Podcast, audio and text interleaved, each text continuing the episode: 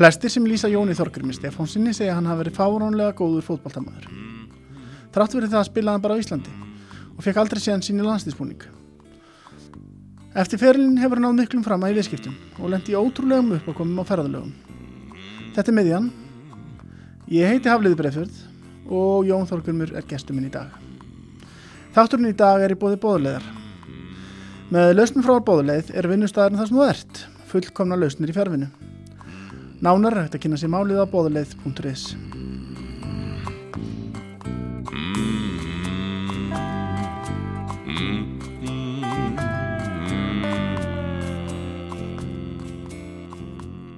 Velkomin Jónsi, þú hefur alveg kúplað út af fókbaltanum síðan þú hættir að spila það ekki?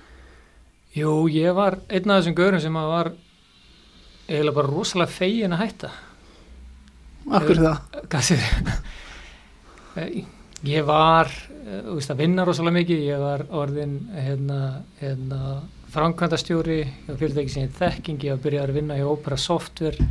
Var örugli í svona, já, tveim, þreim vinnum og og það var bara ákveðt að losna við fjörðu ég fekk aldrei þessa, þetta kýll að snúa tilbaka þó mm. ég hef hægt til dæla að snamma sko. mm. Þú fylgist alltaf með ekki? Jú, ég fylgist alltaf við, vel með mm. uh, Þú varst svona einn af þeim fyrstu sem ég hafði saman við í byrjun ásins sem búið að taka viðtal og spjallum ferilinn en þá sagður mér að vera á Íslandi svona 100 ári Já, því miður þá, þá ferðist ég rosalega mikið út af vinnu og, og hérna og eitthvað sem ég er að reyna að breyta að vera meira á Íslandi mm. og hérna, ég vil vera á Íslandi ég, hérna, og já, ég ætla mér að breyta því mm. Og er tilneitu til kannski þessu dagana? Þessi, þessi vírus er náttúrulega ræðilegu lutur og, mm. og, og, en maður er að sjá ímislegt fallegt koma út í því eins og samstöðu og hvernig fólk er að standa saman fyrir mig er þetta náttúrulega ég hef ekki verið svona eh, mikið heima hérna já, í svona 7-8 ár held ég mm. ég hef búin að vera heima núna samfélagt í fjóra vikur mm. þannig að þetta er ágætið skvildur í mig Sjáum kannski breytt samfélag eftir þetta? Ekki spurning mm. ég, held að, ég held að fólk fari að taka fjarfundi mun meira og ferðast minna og, og huga bara að reynleiti og, og, og já, ég held að ég held að við lærum af þessu. Ég menna, ég hins vegar sé alltaf tækifæri kreppu. Mm. og hérna og núna alveg kýtla mér í puttana að stopna fleiri fyrirtæki og, og hérna því að í svona á svona tímum er, er losnar um hæfileika fólk og, og, og núna finnst mér að ríki að eiga setja pening í, í nýsköpun. Mm. og virkilega standa á bakvið það því að þetta er yfirnaðar sem Ísland getur blómstræði mm koma svona aðeins meir inn á í lokin hvað þú ætti að gera í dag svona, en þú byrjaði að tala um upp af ferilsins, þú byrjar fókbólta hjá Íká, eða ekki? Íká, jú, ég byrjaði Íká, eina félaginu sem virkilega farið á hausin á Íslandi held ég Já. fór á hausin út af því að kipti sjómasauðlisingar hérna fyrir bygg, eh, fyrir hérna áttalega úslitt í byggar á múti val, gæti sér ekki staðið við að borga fyrir auðlisingarnar og fór á hausin Kerðir þú þrótt út af því? Ég held það, ég held allavega að það var, það var okkur sagt þegar við vorum litli pjakar og Já. þann hérna fór maður til erki fjandana í, í hérna breðablík. Mm. En við byrjum kannski á því þú voruð að spila í Íka og voru ekki fullt af alveg fólkváltamennum, það var ekki Gulli Gull hérna og jú, Helgi. Kolvis og... Jú, jú, Gulli Gull, Helgi Kolvis og hérna, hérna Ívar Jóns mm. uh, hérna það, það var alveg Valdi Hilmars var rosalega mjög Óli Sæfas hérna, Jón Gunnar Girdal mm. hérna, hérna frasakongur mm. Íslands hann, hann var líka mjög góð fólktamæður og það var bara já, hér var Hafliða náttúrulega og mm. bróður hans Hafþór Hafliða var líka mm. mjög öflugur það var bara rosalega mikið af góðum fólktamæðum sko. Mm. Hvað var þetta gammal þetta fór yfir? Þegar ykkur fór á hausin uh, 13 ára Já, ok. 12, 12 eða 13 ára. Já. Og, og, ferðu þá beint í bregðarleika? Já. Ég, hérna... Af hverju gerir það?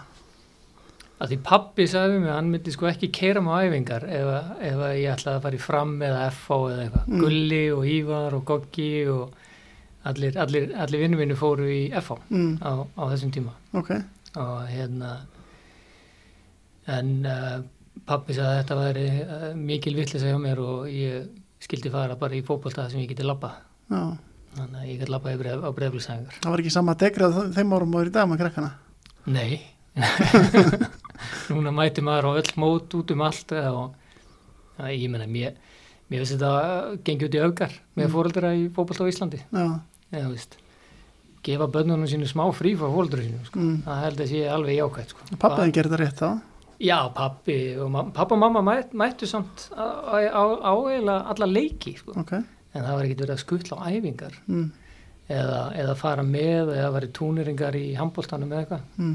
Nei, það var ekki neitt svolítið og, og þú, þú gast ekki við handbólta líka ekki, var, Jú, ég að í handbólta Ég held ég eigi ennþá metið að vera yngsti leikmaður í sögu efstöldar í handbólta er það já, Já, ég er nokkuð vissun það. Ég hvað var ert gammal þá, 14, með hvað liði? Háká með, þá ertu komin í háká líka? Já, já, já, Há- í háká var alltaf, ég var alltaf í háká í handbólta Íka, var- alltaf bara með fótbólta Já. og háká var alltaf bara með blag og, og handbólta Þannig að hérna, maður var alltaf í háká í handbólta þess vegna er háká svona svolítið liðið líka. Já, háká, já, já. Ég meina, mann ólst upp í háká og ég og Gulli og eruðum hérna fyrstu Íslandsmeistarar háká í sjöttaflöki mm. og vorum alltaf með eitt besta liði í handbóltanu líka. Þannig, og Gulli var alltaf frábær handbóltamaður líka. Hvernig er að velja á milli það var eiginlega Ingibjörn Albert sem að sagði mér að ég yrði að velja hérna, sem þjálfaði mig þá í breðaflik mm. þá var ég farin að spila í meistarlóki bæði handbólta og fótbolta Mm. það var hvað 16, 17 ára Mm. og þá þurfti maður að velja en maður var alltaf í úlingalæsjónum í handbólta en aldrei í fótbolta sko. Já, en hverju valdur það fótboltan? ég veit það ekki Nei. Veist, persónulega fannst mér handbólta alltaf skemmtilegur þannig að ég veit ekki hverju ég valdi fótbolta þú sagði að það verði kannski betri framtíði? Já, þessum tíma var ég, hérna, var ég búin að fara til hérna, St. Pauli, var ég búin að þú veist, koma með hérna, Molde í Nóri og þú veist, það var bara svona, þú veist, leit betur út Mm. fyrir mig líklega. Uh, hérna, þannig að, Er þetta þarna í, í hvaða 93 þegar þú byrjar í mistarflokki sem að þetta gerist? já, Þá tekur ákvörðunum að, já, ég hef búin að spila samt í meistarlöki handbólta í tvö, þrjú, nei, já, þrjú og hálft ár Mm. áður en ég byrja að spila í meistarlöki í fótbolta, sko. Og, og svo er það bara mestarflokkun hjá Ingabirni í annar 93. Já. Hvernig var það? Byrja mestarflokksferðin. það var bara mjög, mjög gaman það var náttúrulega voru með frábært lið og förum hana upp Mm. og hérna eiginlega rústum eiginlega annar dildinni og förum upp í fyrstu og þannig náttúrulega, þú veist, hetur eins og Addi Gretas og Mm. Willum Þór og, og hérna Bonni sem var náttúrulega mikið ædol hjá mér sem var náttúrulega ná, náða að spila handbólta og fótbólta alla Já, sem ferir Já, Jón Þór Jóns. Hérna, Kristófi Sigurgis uh, hérna það var bara þú veist, gummi gum, það var bara ótrúlega mikið af ótrúlega, ótrúlega góðum leikmönnum í breyflika á þessu tíma sko. mm. þannig að, og rúlið upp þessari deild og þá var það trópidildin. já, tróputillin já. Þá vartu kannski farin að vinna að setja í liðin og spila ekki meira. já, já, þá var ég bara í byrjanlegin alla leiki og, og hérna bara gekk mjög vel Spila fyrsta dildamarkið á Akureyri á mútið Þórmannst því. nei, ég manna eftir því Má þekktu því. nei, Mörgin skipti ekki svo miklu máli. ég, hérna ég veit ekki, ég var einhvern veginn eh, þú veist ég upp alla yngjurlokkana spilaði alltaf sendir Mm. og var alltaf markaðistur Mm. en hérna svo þegar ég kem í þegar ég yngja, yngja byrja að kenna að hafa sett mig á kantinu og svo bara festist ég á kantinum. Já, já, þannig að þá fór maður miklu meira að hugsa um stóðsendingar heldur en, heldur en mörg. Já, en yngja byrja gerði rosalega þú veist ég kunni ekkert að gefa fyrir ekki neitt ég var bara tekniskur og fljótur að hlaupa en, en hérna hann let mig taka hérna hérna 150 fyrirgeður eftir hverju einustu æfingu þar sem að hann seti mark lítið mark Mm. hérna í, við Vítategn og ég átti að bruna upp og senda fyrir og það átt alltaf að, að allir 150 boltanir þurft að fara yfir markið Já, þannig að það myndi alltaf fara yfir fyrsta varnamann Mm. og þetta gerðan alveg örgulega þrjára, fjóra vikur og ég held ég hafi búið að því allan minn feril sko. ég gæti alltaf koma honum, í, koma honum fyrir sko. En góðu þjálfari? Ingibjörn, Já, mér fannst það já já. kendi manni mikið sko. Mm. Mikil missir hún svo þegar hann fyrir þá eftir þetta fyrsta tímabil og hvað kom Bjarni á þá? Bjarni Jó kemur þá Nei, veist það hérna, hérna ma maður svona sér þetta og svona svipa og svipa sögu að, að maður getur lært af stjórnendum hvort sem eru í fyrirtæki eða, eða í fótbolta. Maður getur, maður getur lært jafn mikið af þeim slæmu og þeim góðu. Já, og hérna já ég, veist, maður er búin að hafa mikið af, af marga þjálfara ekki um tíðina og þeir hafa allir sína styrkleika og allir sína veikleika. Mm. mér, mér fannst já hérna, Bjarni var náttúrulega hann bara fannst mér vera að stíga sín svona fyrstu skref Já. í þjálfuninni og hann er náttúrulega ná flottum árangri og, og hérna ég held að ég fannst Bjarni frábær þjálfari með æfingar Mm. en ég held að það tekja hann svona tíma og hann er kannski ekki verið á sitt besta við að vera við að vera hérna, að stýra liðinu eða stilla upp liði í leikjum og með taktík og svona Mm. ég held að það hefur bara komið setna á, á hans ferli Mm. en þarna var hann kannski ekki ekki, ekki svo besti Nei. Og hvað hérna, eftir þetta tímabil, er það ekki þá sem þú fyrir til St. Páli eða? Jú. Hvað, hvernig var það? það kemur hann veru í hérna, hérna uh, ég held að komi í gegnum, að gegnum Gunnar Guðmunds Já, hérna, sem bjóða hann úti á þessu tíma Mm. og ég held að hann hafi verið mjög fúlliti mig því að þeir vildu gera samningu mig og ég hérna sagði nei okkur. uh, þetta var fannst mér uh, hérna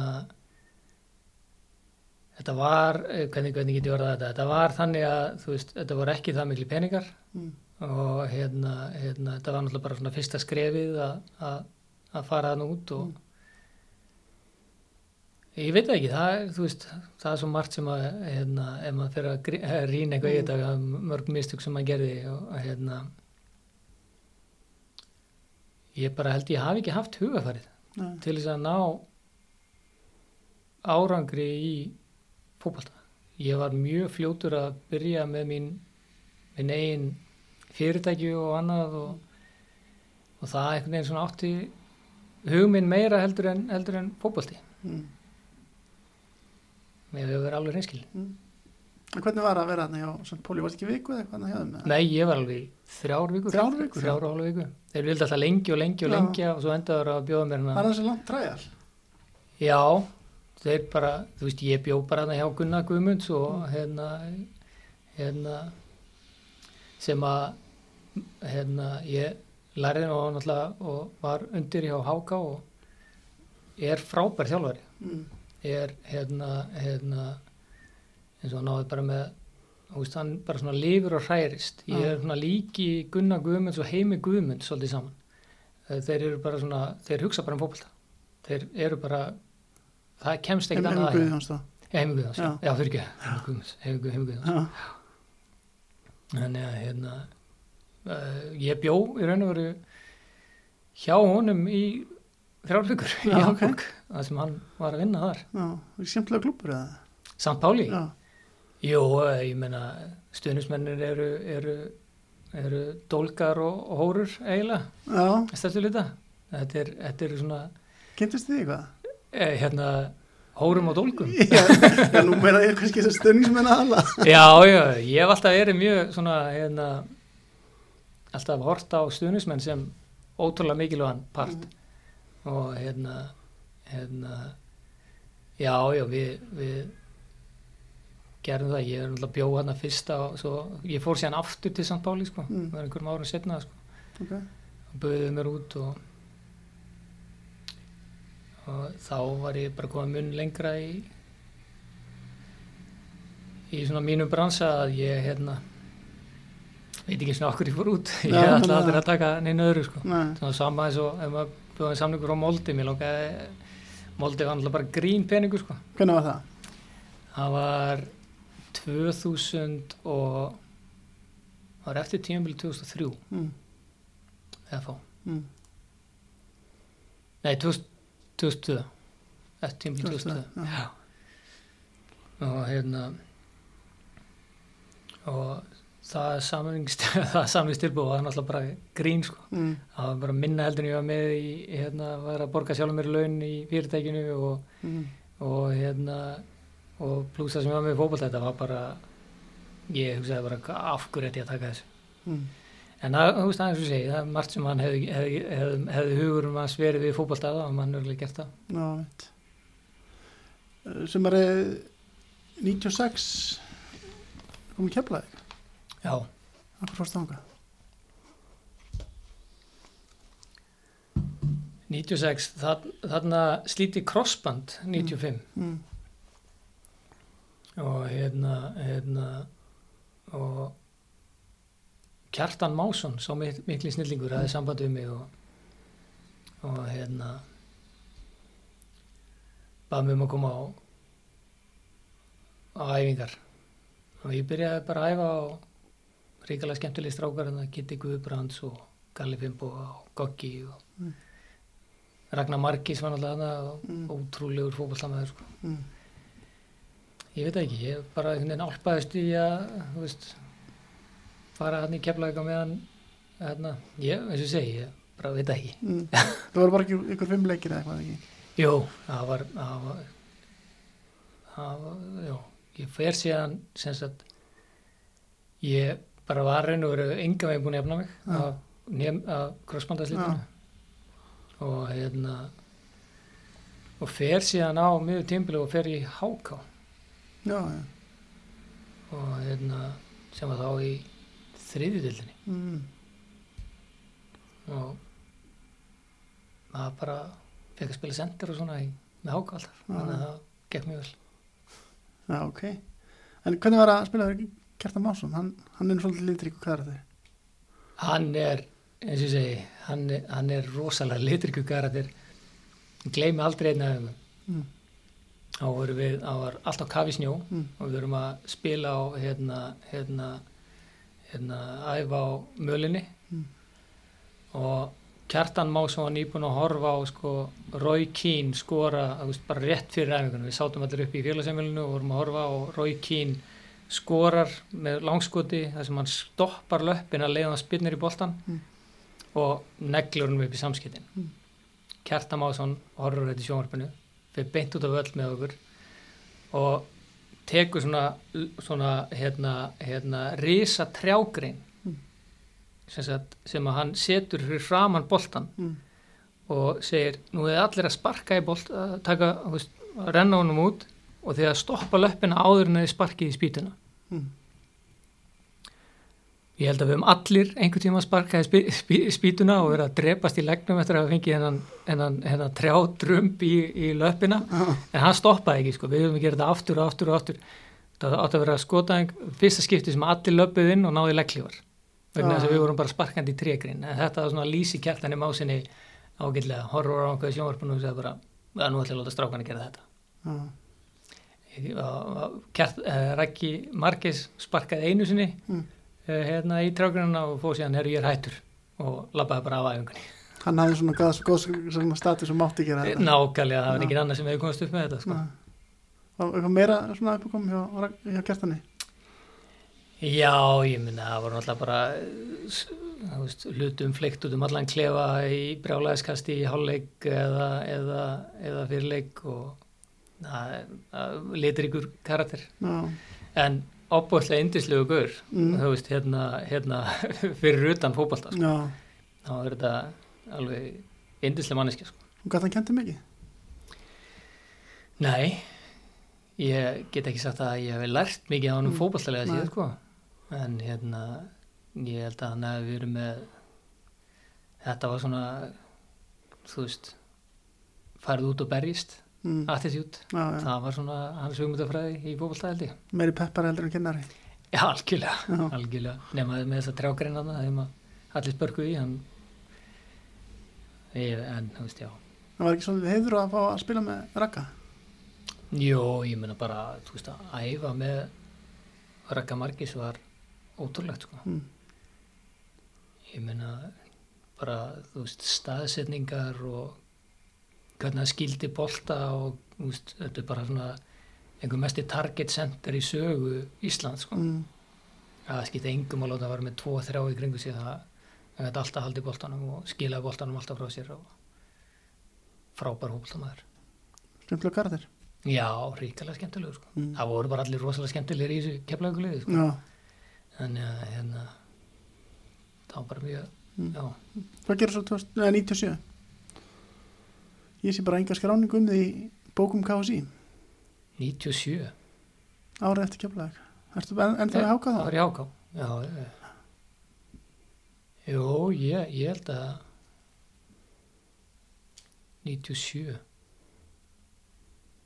já 97 er í háká við förum, hana, förum upp Mm. og hérna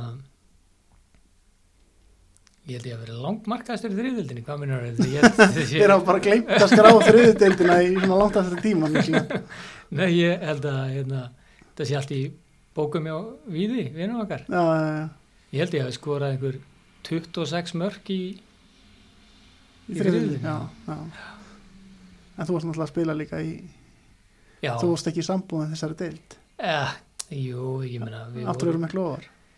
já, já, þetta var sjúklega gaman sko Já, spilaði hérna, ég og Steindur Elís vorum hérna hérna hérna senderarnir og Mm. hann var spilandi þjálfara, hann var svona bjössa og við rúluðum upp þessari deild það var ríkalega skemmtilegt sko. mm. hann spilaði sender og ég meni Ívar Jóns var hérna og Gulli og Mm. þú veist þetta var þetta var mjög skemmtilegt tímabil sko. Mm. Þetta, þetta var mjög auðvelt það er alltaf rosalega munur á milli efstu og það er rosalega munur á milli efstu og fyrstu Já, og veit. hvað þá hérna efstu og þriðju Já, akkurat. þannig að þannig að já, þetta var mjög fínt sko Það verður það bara allir vals eða hvernig, hvernig fórst í nám út? ég var í námi hérna með, þegar ég var í val Þú varst í val, já. já, varst í va- að spila með val og ferði í nám Já. til hvert, hvert? Fórst? ég, ég fer til Florida University of West Florida, Á svona? Já. Hvernig var, var þar? þú heldur að þriðdildin hafi verið auðveld þá hérna var skólafókvöldin í bandaríunum sko fárlega já, ég, hérna, ég var All American All Conference, eða Conference Player of the Year Mm. ég, hérna ég held ég að skora 2,5 marka meðaltali í hérna, hérna leikjunum Já, alveg. Við fórum í fyrstskipti sem heitir hérna Nationals það var það er svona úrslutakefni Mm. yfir allt landið fyrstskipti sem þessi skóli fer ánga í það og það var bara það var, þú veist, þeir voru allir rosalega fysikal, þú veist, amerikanar eru allir rosalega vel þjálfaðir og æfa rosalega mikið, þeir bara skildi ekki leikinn sko. Já. og hérna Varstu þá bara langt bestur í þessari deild? já, ég myndi segja það Mm. Allavega með, þú veist, ég átti þú ég með, þú veist, bæði stóðsendingar og mörg, ég, þú veist, það var alltaf gefið svona points per game, Mm.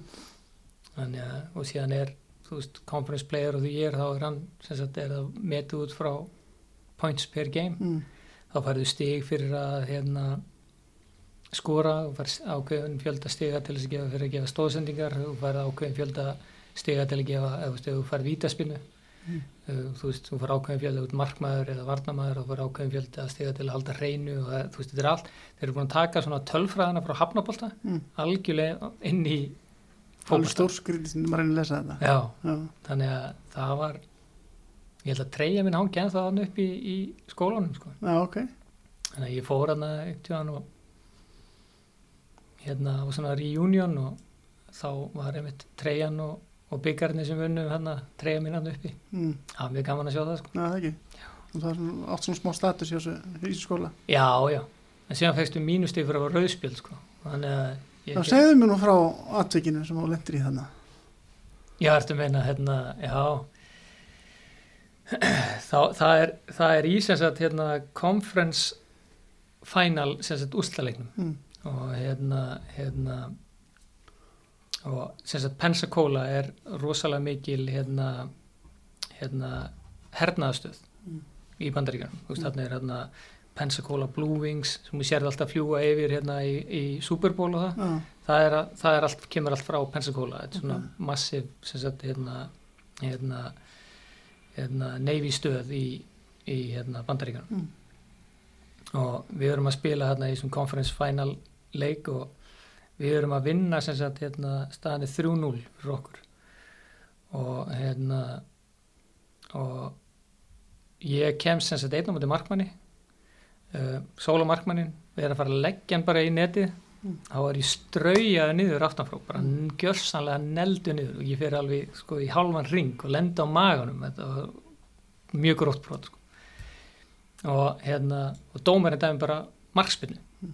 og ég og, veist, og ég, og ég stendu upp og spyr hann á ennsku fyrst are you joking Mm. og hann sagði bara no, play on, play on og svo þegar ég er að hlaupa tilbaka þá byrja ég að blóta honum á íslensku Mm. veist, og mjög orðljótur á íslensku Mm. ég held ég væri nú tildulega örugum með það þá allt í unni þegar ég er að, nálgast miðjuringin þá hérna, flautar hann, stoppa leikinn segir mér að koma gefur mér rautspjald og segir á fullkomnir íslensku þú talar ekki svona við mig rautspjald og ég bara, ertu íslendingur og hann alveg, nei, kona mín er íslensk og ég var á hérna, ég, hérna var á herstöðunni í Keflavík í 12 ár Mm. og ég lærði íslensku talaði betri íslensku en ég sko. Mm. en hver eru líkunar á að vera að spila hérna, þá var hann bara hermaður sem að hérna, var að dæma leikin í og bara búin að taka réttindi sem dómari Mm. Þannig að þetta var mjög þetta var mjög spes og svo þegar ég lappa út af þá segir þjálfari minn hérna, hérna, hérna hvað í anskotan sagði við hann og ég sagði hann að ég hérna, blóta hann um íslensku Mm. og þá sagði hann, og, hvað skildi hann íslensku og hann að, þjálfur mig bara sprakk vel átri, það voru sex mínútur eftir að leiknum Mm. þetta gerist, þannig að ég hef rauðspjald fyrir þetta. Þetta var vantilega að náð skapin á þér niður, þetta það fyndir aðstæða, Nei, ég sprakk vel átri, sko. jú, ég bara, þú veist, ég trúði þess ekki, sko. Svo fóru ég og, og hérna dómarinn og fórum út að borða eftir leikin og spjöllum og... Nú? Já, ég, Hvernig kom það til? hann kom bara til mín eftir hérna, þú veist, sagðist ekki að komið til Íslands í einhver, einhver, einhver 7-8 ár og vildi bara spjallum Ísland. Já, Þannig að við fórum og fengum okkur að borða og já, Það var skemmtilegt kvöld. Allt í góðu, sko. en varstu mikið í þessu, varstu að fá mikið að rauðum spilnum að núti, já, Ég held ég að fengið þrjú af hverju? þetta, Já, þetta, já, svo fekk ég hérna, hérna rautspjald fyrir hérna olbóðskot sem að mér fannst nú mjög ósangjart mm. þú veist, það er, þú veist, fólk sem hefur ekki spilað íþróttina, þú veist, þú hoppar ekki með hendunar meðfram þú veist, meðfram síðu Mm þú hoppar upp og hann nýtur við hendunar og, ég fekk rauðspjald fyrir það. Svo fekk ég eitt rauðspjald fyrir að það er svona hefnibróta sem ég straujaði niður hann þannig að eitthvað sem hafa náðu skapin aður upp? Já, já, ég átti það algjörlega skilið sko. var auðvitað náður upp? Já, mjög, og var eitthvað, og marstu eftir á ferðinu með einhvern leikmannum sem að kannski leik sér að að, að ná mér upp? Já, já, Gunnar Einarsson. Hann hafði einstall að ná mér upp. Mm, Gunni Einars í Káar mm. Hvað var það? ótrúlegt hvað var það sem að gerði? bara svona litli lutir stíga á mann og þú veist og hérna hann hafði útrúlegt laga, laga á mig sko en það fannst, mér- finnst mér hann vera einn erfiðasti leikmann sem við spilum á því Mm. og það svolítið fyndi, ég skora eða alltaf á móti káar Mm. mm. eins og, og þú veist kannski veist hvort sem ég var í HK eða FH og Mm. mm. skoraði alltaf á móti en ef þú sér það ef Gunni var að spila Mm. þá skoraði ég aldrei á móti káar ok, hann náði þér hann bara náði hann algjörlega ónaði mig í, þú veist, hann að bara, þú veist, ég var bara pyrraður þegar ég, þú veist, þegar maður sá leikskísluna komin og Gunni var inn og ég bara Mm. djúfull. hvað, hérna, þekkist þið eitthvað? Já, já. Já. fyrir þetta eða Nei, eftir þetta? ekki, Nei. eftir þetta sko.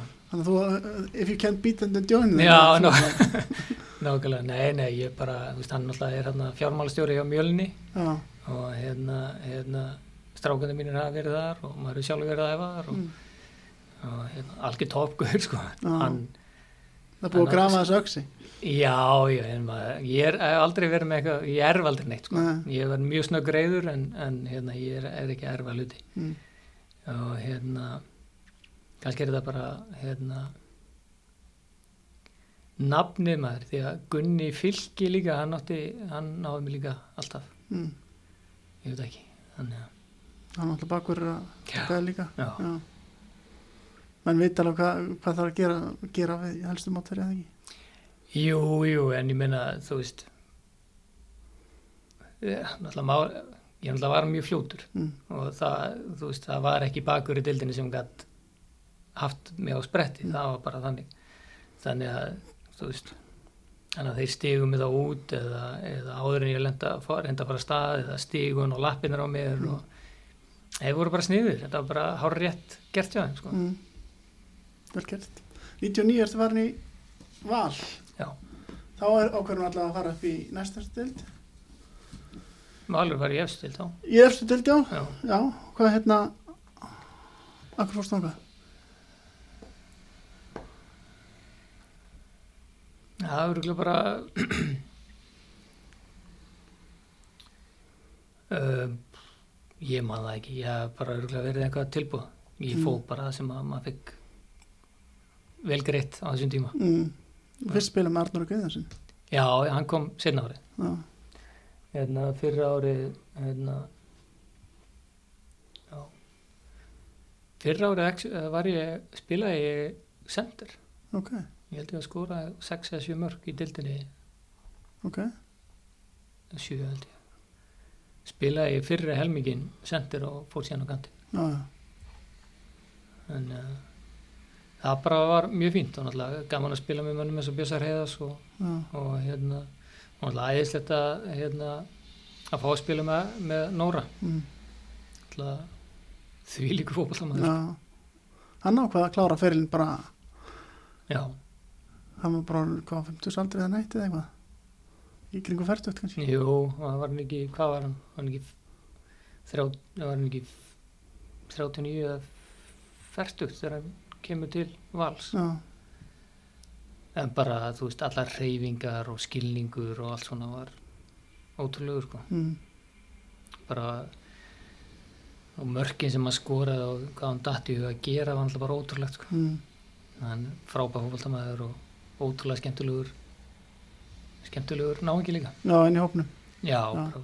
frábæri hóp Já, sem að maður er ekkit endilega búist við sko þú veist þegar þú kemur sem superstjarna inn í íslenska boltan hefur aldrei spilað í, í, í, í íslenska boltanum og þá kom mér rosalega óvart hvað hann var frábæri hóp já. Gastu lært mikið á hann? já, lærið mjög mikið á hann bara í sambandi við þú veist, spinnutækni og þú veist svona tímasetningar og, og annað Mm. já, maður lærið mikið á hann Mm. Hann er þarna setna árið og það gengur nú ekkit sérstaklega nei, gengur hæðilega sko Akkur á það.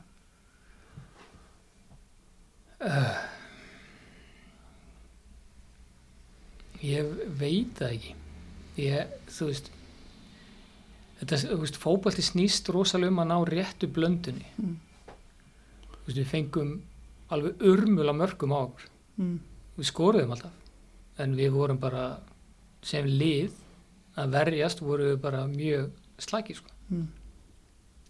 Og ég veit ekki, þetta er bara, þú veist, það er bara, þú finnur hennar mun hvenar þú ert með þú ert í liði sem að algjörlega gjellar saman Mm.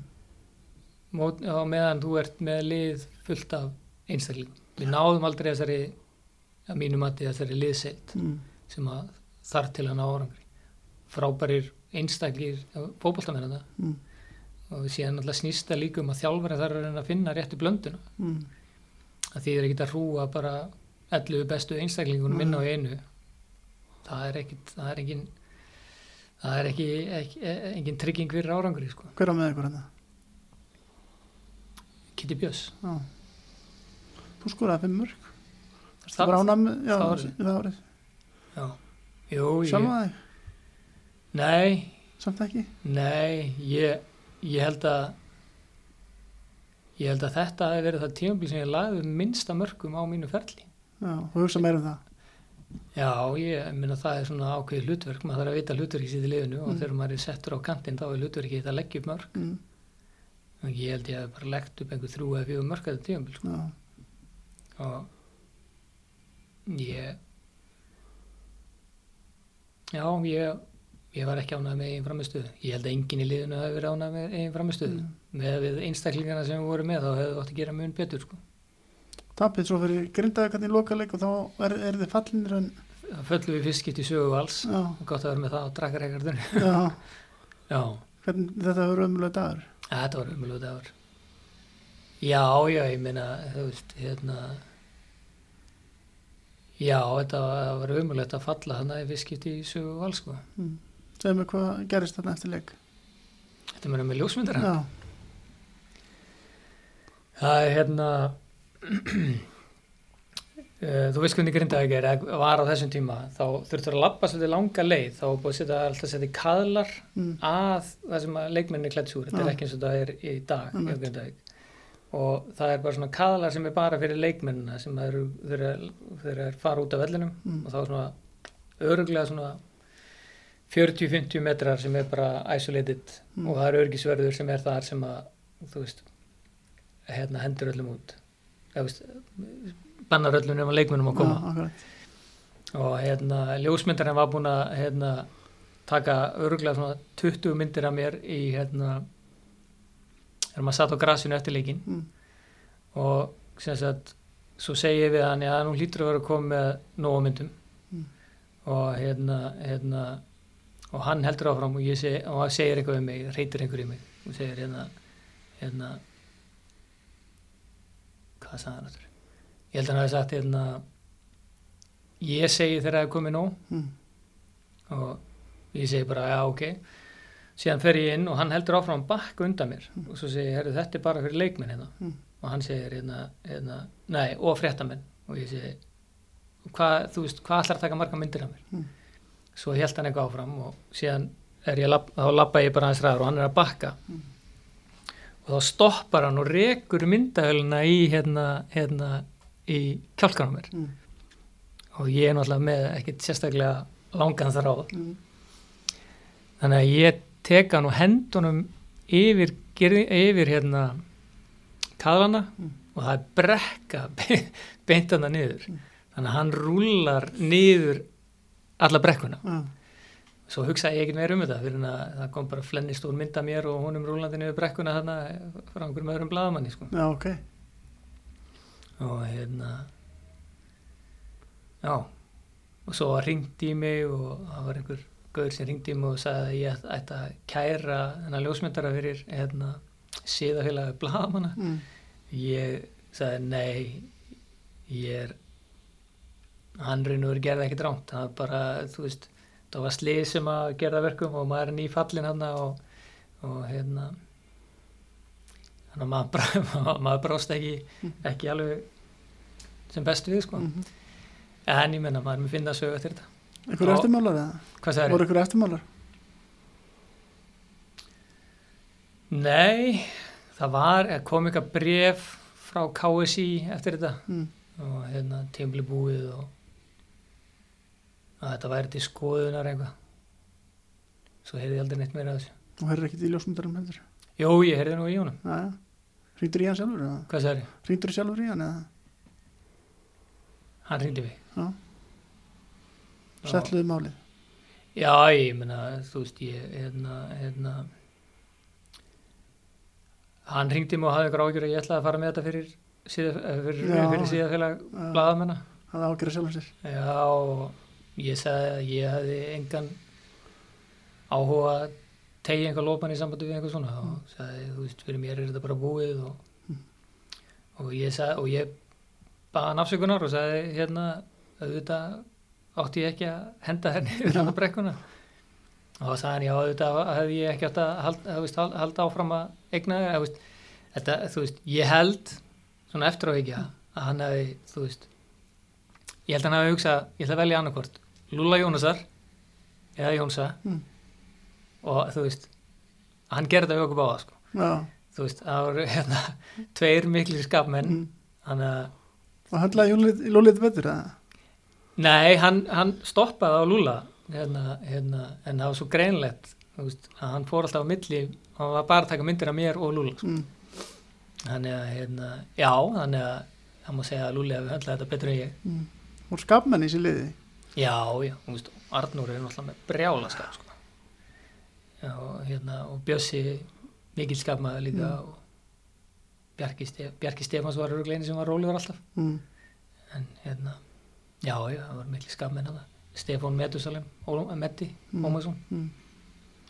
það var Lalli í markinu, þetta, endalista skapmennum, sko. Já, alls konar upp að koma kannski Nei, það var það kom náttúrulega fyrir einhverju bústrar á æfingum og svona, en svo gerist í öllum liðum það gerist í öllum liðum sem ég hef verið í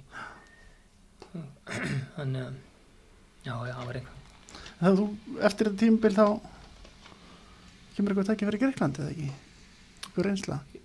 Jú, jú Hvað var það? Thessaloniki Mm. Fallegu staður?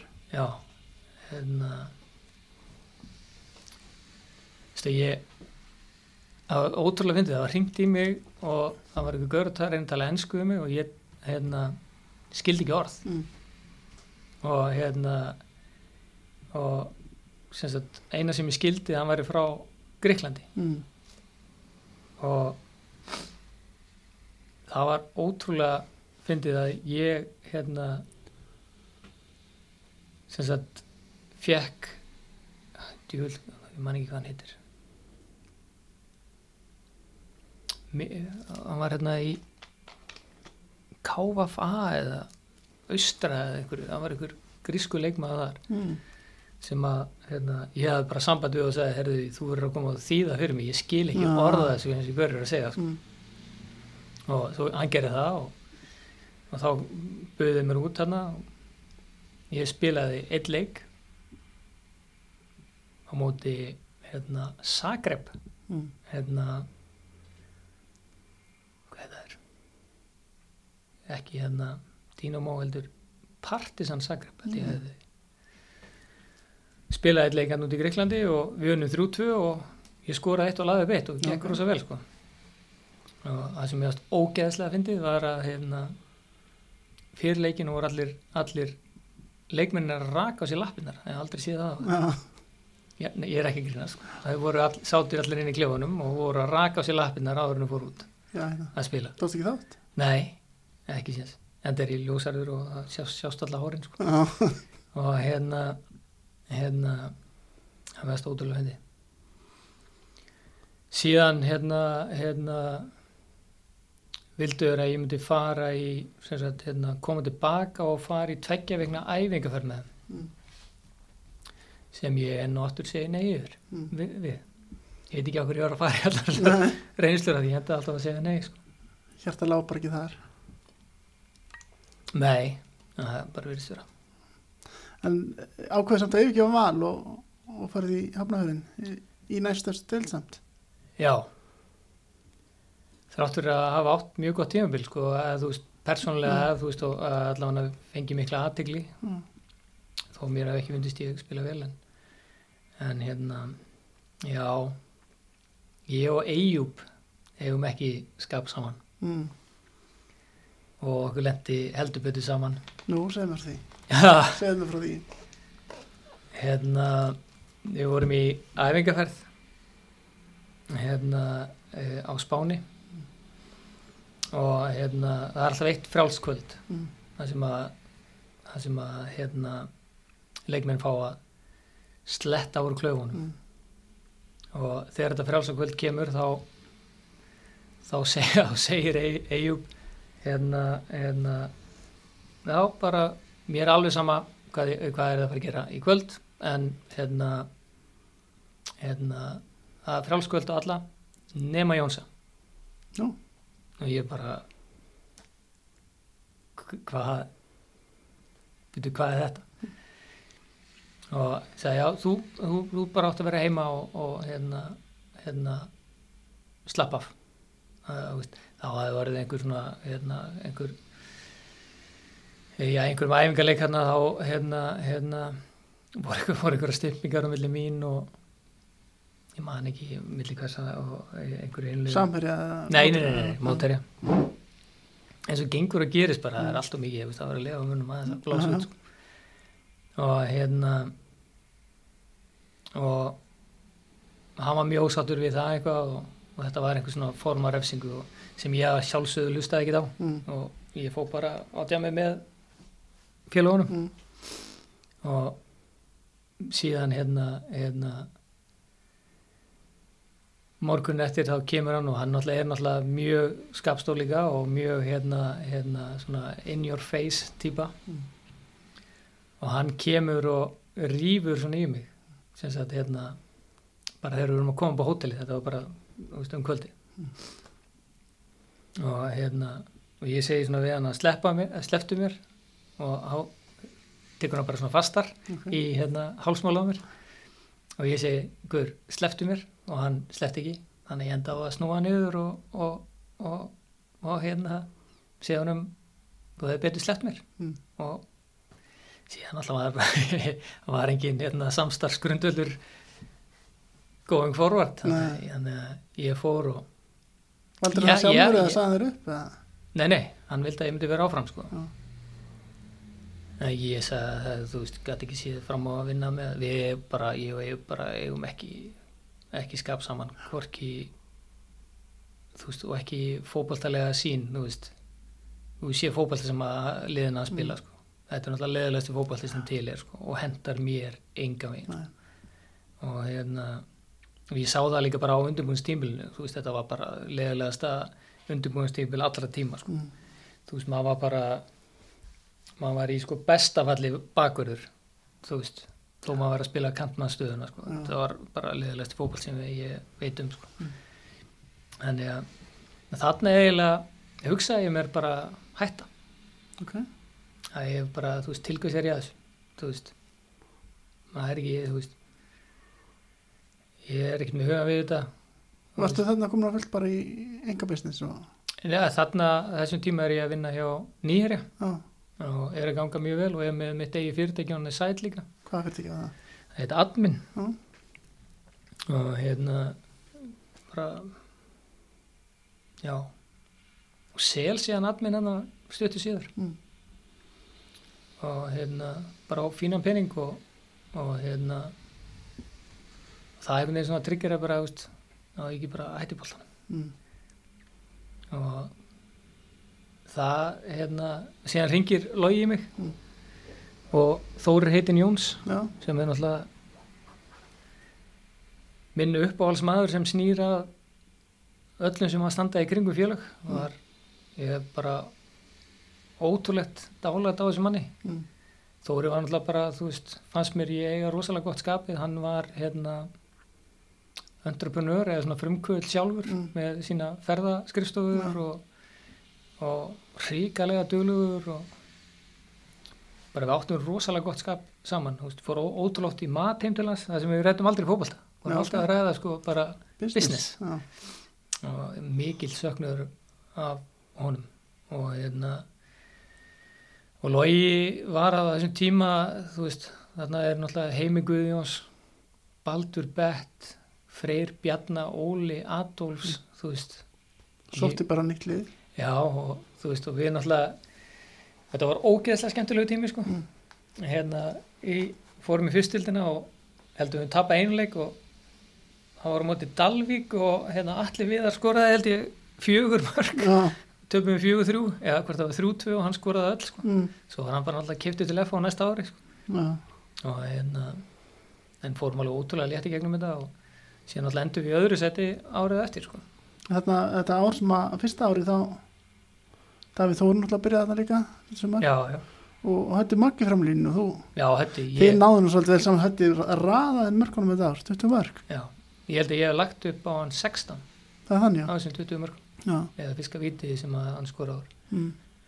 var æðislegt að spila með höttamag auðvilt að finna hann Höndi mér bara hvað hann, þú veist, hann sagði mér aldrei lítinu, aldrei, það, veist, að, það sem er merkilegt, það sem að ég horfið svona á Tryggva Guðmunds, Höttamag og Allan Borgvard mm, og Alla Viðar mm, og svona Jónas Grani þú veist, ég var ótrúlega heppin að spila með öllum þessum leikmennum, ég þurfti aldrei að finna á. Já, ég þurfti bara að koma bóltanum á ákveði svæði mm, og þeir sáu bara um afgangin mm, það var ótrúlega einfalt. Hötti vildi yfirleitt fá hann koma hann yfir, fyrsta varnamann og hann vildi mæta á nær mm, og var alltaf mættur á nær. Hérna, Tryggvi vildi alltaf sagt, hérna, fá hann á fjær. Mm. Allan Borgvard vildi alltaf fá hann að- átt að vítapunktunum í fyrirgjöfum. Mm, það sem, það sem hann vildi alltaf vera. Og það var bara svona veist, og allir viðar vildi alltaf láta, veist, vildi helst fá fyrirgefa, fyrirgefa hennar niðri. Mm, það sem hann gæti stungið sér í rámavarnum en þetta var bara, þetta var svo auðvelt ég fá, þú veist en Hötti Mag er hérna auðveldast að finna hann og tryggja guðmis af öllum mm. Hvernig var að spila með hann? Var þetta ekki Hödda. gaman að ná restina verðlum hans líka? Jú, það var ótrúlega gaman að spila með þetta þetta er bara, hann er uh, hérna frábær fótballtamaður og er til í að gera allt til þess að vinna Mm. og ég held að hann hafi verið rosalega mikilvæg partur í þessum tröppugangi hjá okkur í FH Mm, að því Hötti var með svona rosalegt vinningsattitút. Mm, þú veist, þó hann hafi ekki unnið mikið sjálfur, veist, af titlu með henni svona í gegnum tíðina, þá var hann með þetta þetta svona vinningsattitút sem að smitaði svolítið inn í lið og, og náttúrulega heimi Guðjóns líka. Mm, þannig að þú veist þetta, þetta FH var svona dæmi ólíkt val. Mm, og FH var svona dæmi þar sem að þetta bara pústlaðist einhvern veginn saman. Já,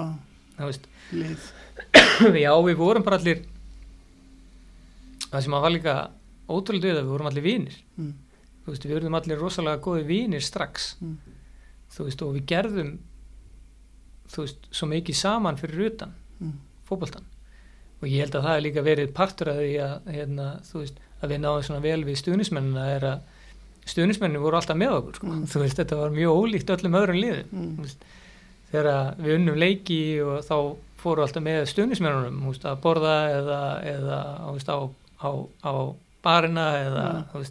það var alveg ótrúlegt sko. þetta var, ég hef aldrei upplifað þetta í neina öðru liði svona, sko. Það er samt Já, þau, já, vinnið fyrstildin þetta fyrsta árið, annað árið er bara seti annað sæti sem er ótrúlt fyrir nýjulega já, síðan fyrir logi fyrir logi og tekum við Lilleström Já, það er ekki Lilleström Lillistrum, já.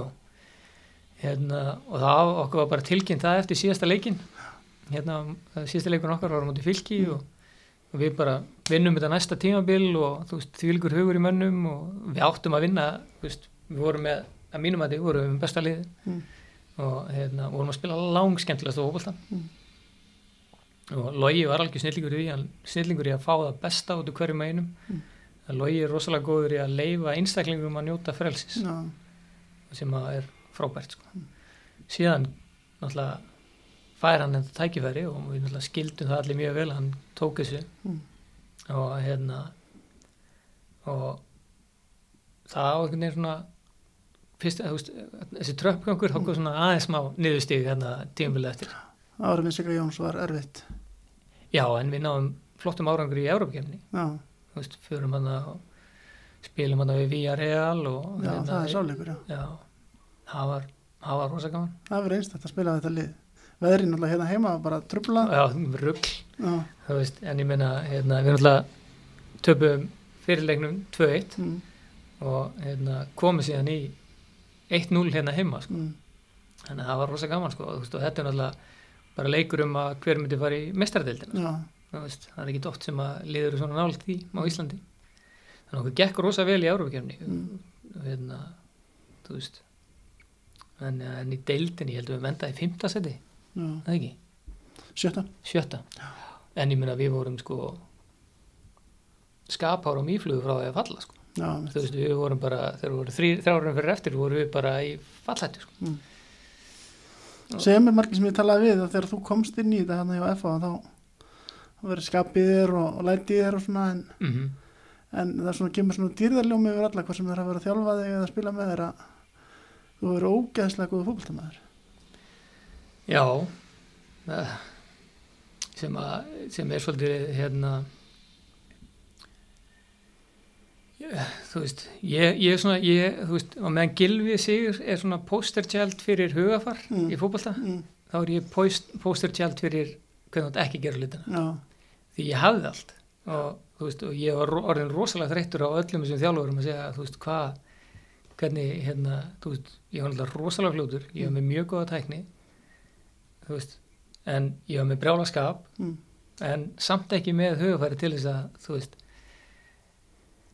uh, veist til að leggja á, á mig þetta sem að þurfti til þess að verða frábær. Já, og hérna þannig að ég var náttúrulega, já veist, þannig að þetta er svona, þetta er bæði gaman að heyra þetta og leiðilegt að heyra þetta já, já, þú veist, hérna en ég bara heyrti þetta frá eiginlega öllum mínum þjálfurum og og, og hérna já og þeim sem voru að þjálfa landslega á sínum tíma sko, það bara, þú veist, hvenar allar að stígu upp sko, Mm. Það er, svona, það er ekki oft sem að maður spyr út í einstakling og ma- það kemur svona dýrðaljómi yfir alla sem maður spyr. Nei hvers, hvað, veist, sem kemur þá að því að einn af þeim er Óli Jó sem að tekur þá við liðin 2003 og já, ykkur er bara spáð falli. Já. Óli er fullir ég. Já, besti gaur til að setja saman vinningslið sem til er ok, hann þarf alltaf og hann, hann, hann er líka svo meðvitaður um hvað hann er góður í Mm. og hvað hann er, þú veist, hann þekki sína styrkleika og þekki sína veikleika mm, þess vegna hefur hann alltaf verið með gaurast til að sjá um æfingarna fyrir sig eins og, Mm. eins og Leppa Garða sem Mm. var frábær á æfingum og búið til æfingar og upp í tempói og svona Mm.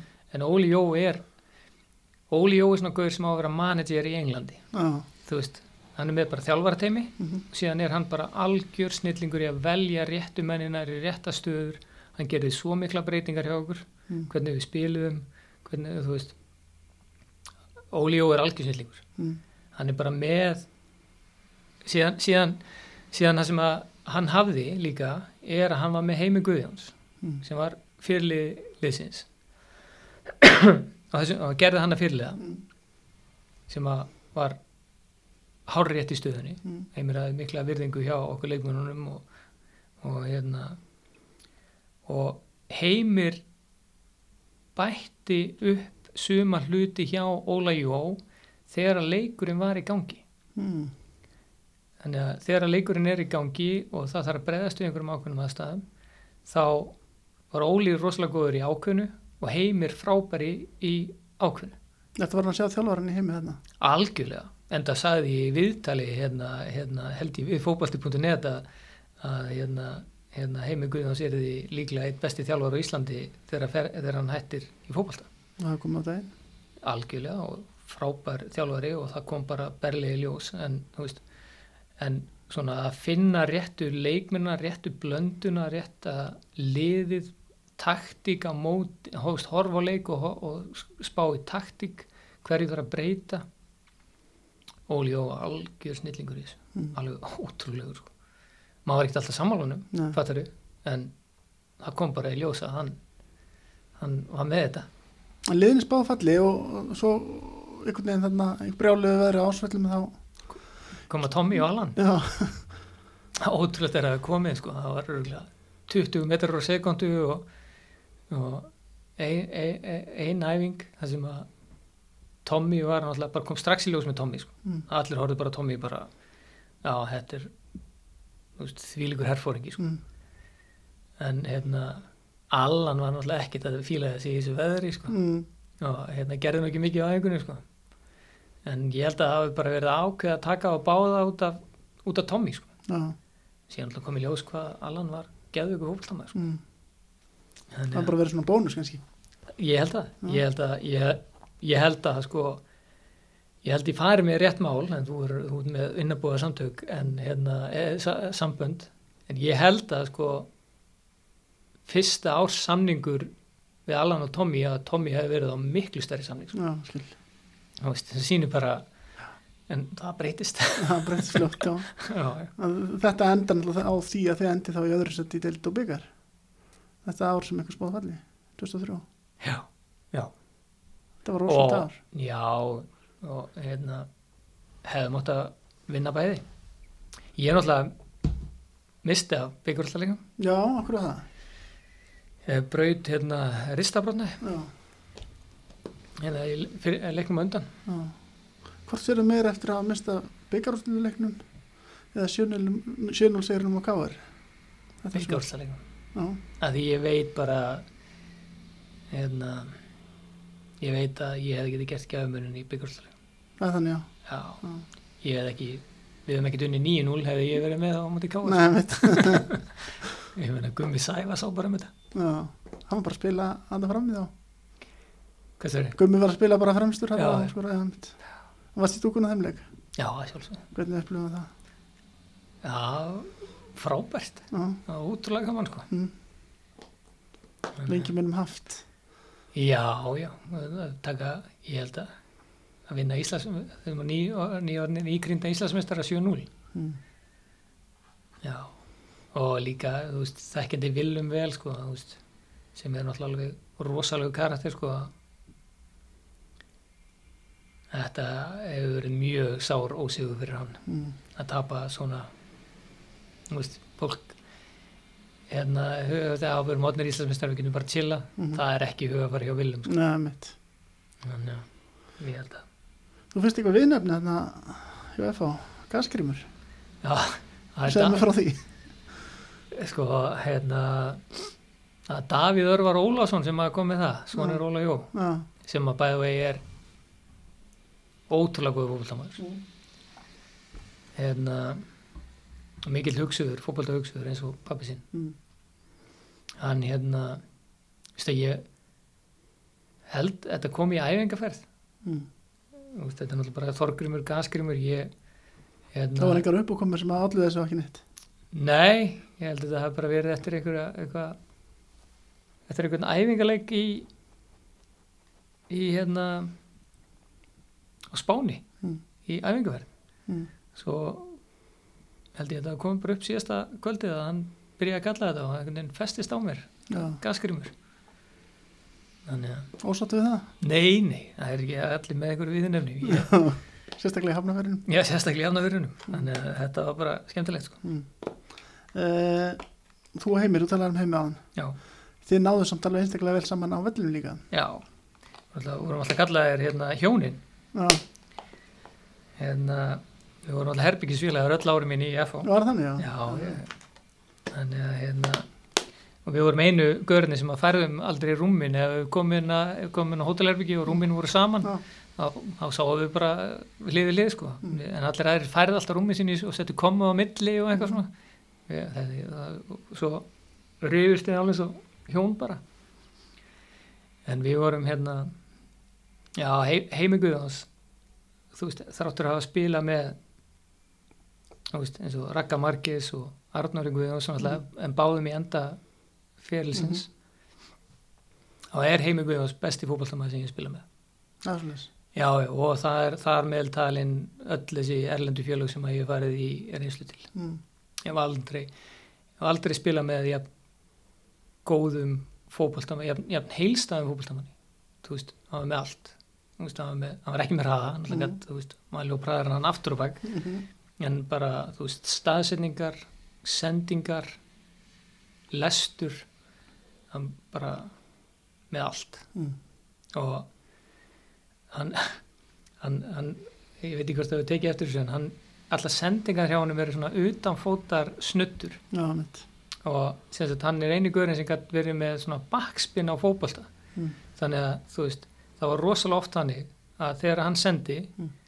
að þá hættu bakverðinir að hlaupa því held að boltinn var að fara út Já. en ég hætti aldrei að hlaupa vegna þess að ég vissi að þetta var alla heimirs sending Mm. það sem að það er svona rosalegt bakspinn á boltanum sko. Þetta er svona Harlem Globetrotters tricks eitthvað. Nei, bara, þú veist, það kemur bara, hann tekur svona utanfóta snuttu Mm. og hann, hérna, það kemur þetta rosalega spinn á bolta, Mm. þú veist, annarkvært hliðar eða tilbaka, sko. Mm. og hérna, og þú veist, einu sem það þurft að gera, hugsa og, og, að spila með heimi, Mm. er bara skerðu línuna, þú veist, passaði þeir ekki nástæður, skerðu línuna og við komum til með að skora helling. Mm. Og svo ertu með svona draumasendir eins og Alla Viðar, Allan, Tryggva Guðmunds, Höttamag, Mm. þú veist, Klára þetta fyrir ykkur. Já, já, Áður ég skila, skila 2003 tímbilinu þá langar mér rosa mikið til að vita hverju þú spilaðir í treyju nummer eitt skipti við þetta að Lára hann var í markinu nummer 7 sko, hérna treyja mín hefur alltaf verið 11 sko. mm. en þegar ég byrjaði hjá hérna, FH þá var hérna, Jón Gunnar já, alltaf nummer 11 þið voru þarna köntunum báðir já, hann var vinstri kantur, ég var æri kantur já, og hérna, hérna hann sagt var nummer 11 og ég fekk treyju nummer 7 Mm. og hérna síðan fyrir tímabilið þá kom þessi reglugerð að það vættu útileik með að það voru frjáls treyjunúmer mm. og ég segi við þetta að þetta er hérna ef við ekki að skipta bara þannig að þú veist, þú verður nummer 7 og ég nummer 1 þá var þetta allan komin eins nálægt 11 og ég get Mm. og hérna já og það var það var bara ástæðan, svo var þetta bara svona flip svo hérna hérna hérna Kitty í fylki, hann alltaf gerði það líka sko, á sama tímabil, sko, þannig að við vorum tveir nummer 1 já, þannig að bara, bara flip eins og, eins og þessi tími endur speklaði svolítið. Já, já, já, en svo hérna síðan hérna tók Óli Jó fyrir þetta, ég var alveg verið til í að vera áfram nummer 1 sko, mm. og Daði var alveg til í að vera áfram nummer 7 sko, já, en Óli Jó sagði nei, Jónsi, nú færði allir og hérna, hérna hérna hættir þessu að vera nummer 1 bulli, var hann ekki að fíla þetta? hann var ekki fílað þetta. Hann er mjög hefbundin, er það bara af því, er hann svona hjálpsamur? hann er í allsamur kallin sko. já, já, já, hann tók alveg fyrir þetta. Já nú varst að fyndið eitt ára en nú er flippið búið bara. Mm. að þú tala svo mikið um ja, það, það er aðri sem tala svo mikið um hvað þú hafi verið rosalega góður þá spilar aldrei með yngar landsliði að, landsliðinu Nei, ég var náttúrulega valinn hérna í ala... Ég var valinn hérna af loga fyrir hérna Brasíluleikin úti. mm. En þá var ég á fótbrundag. já, Þannig að Nei, ég var al aldrei það er svolítið merkilegt því að upp alla yngurlokana var ég alltaf markaðastur yfir flokkin minn mm. og ég veit ekki. Uh, þannig að allir eðvarsleti veit að hann var að fylgjast með þér eða ekki? Jú, eiginlega allir sko. Já, Eh, þú veist Gauði Þórðar Mm. let mér vita. Ok. Þú veist, hérna og sagði mér að, þú veist, hann vildi að ég myndi styrkja mig, hann alltaf vildi hérna, spila svolítið stórkalla bolta sko. Já, hérna, hérna þú veist sem hann alltaf var ekki minn stíl sko. mhm. og ég held að ég hef ekki átt er, neitt erendi í einhver svoleiðis Nei. landsliði sko. en hérna, en eins og þú veist, já, allir ég hef náttúrulega hef alveg ótrúlega mikið dálætt á alla mm. og hérna allir hefur komið held ég fleiri íslenskum fótballtömmunum út heldur en bara flestir umbásmenn samanlagt sko. já, ég meina hann ánáttúrulega bara þú veist, félagin í Helga Kolvis bara skuldlaus mm. nánast hann, veist, og hann álega helling af leikmönum, veist, hann gerði ótrúlega mikið fyrir gulla uh, gulla gull Mhm. ég, ég held að gulli hefði ekki farið í fótballta aftur hefði ekki verið nema fyrir alla Mm. uh, og allir var bara ótrúlega heiðalögu karakter þú veist, hérna maður byrja á, á þekktust þig eitthvað já, já, þú veist, Já. hann var náttúrulega þjálfaði hérna háká já, og hérna og hann náttúrulega allir þekkti alla veist og hérna og, og kom bara ótrúlega vel fram við alla mm. og hérna hann, hann tók mig alveg hérna á beini þarna bæði 2003 og 2004 sko segjum frá því hérna 2003 þá unnum við K.R. 2-1 Mm. Og hérna ég skoraði að, að venju á móti K.R. Mm. og hérna og hann hérna tók mér hérna á eintal var búin að taka mig nokkur sinnum og segja þú veist, þú ert með allt þú ert með, þú veist, þú ert með fáranlega hraða, þú ert með ótrúlega tekni, þú áttur rosalega öll með að taka menn á Mm. þú veist, hvað hérna þú veist, þú verður að fara að vinna í skapinuðinu og þú ert ekki með nógu mikið þól Mm. þú veist, þú getur verið svona þú veist, þú kemur upp í leikjum og gerir, þú ert svona gamevinner Já, þú gerir þetta óvænta. Og hérna og, og en ættir að geta verið svona allan leikin ef þú værir bara í betra standi. Og já, við hérna og ég tók svona hæfilega marka á þessu mm.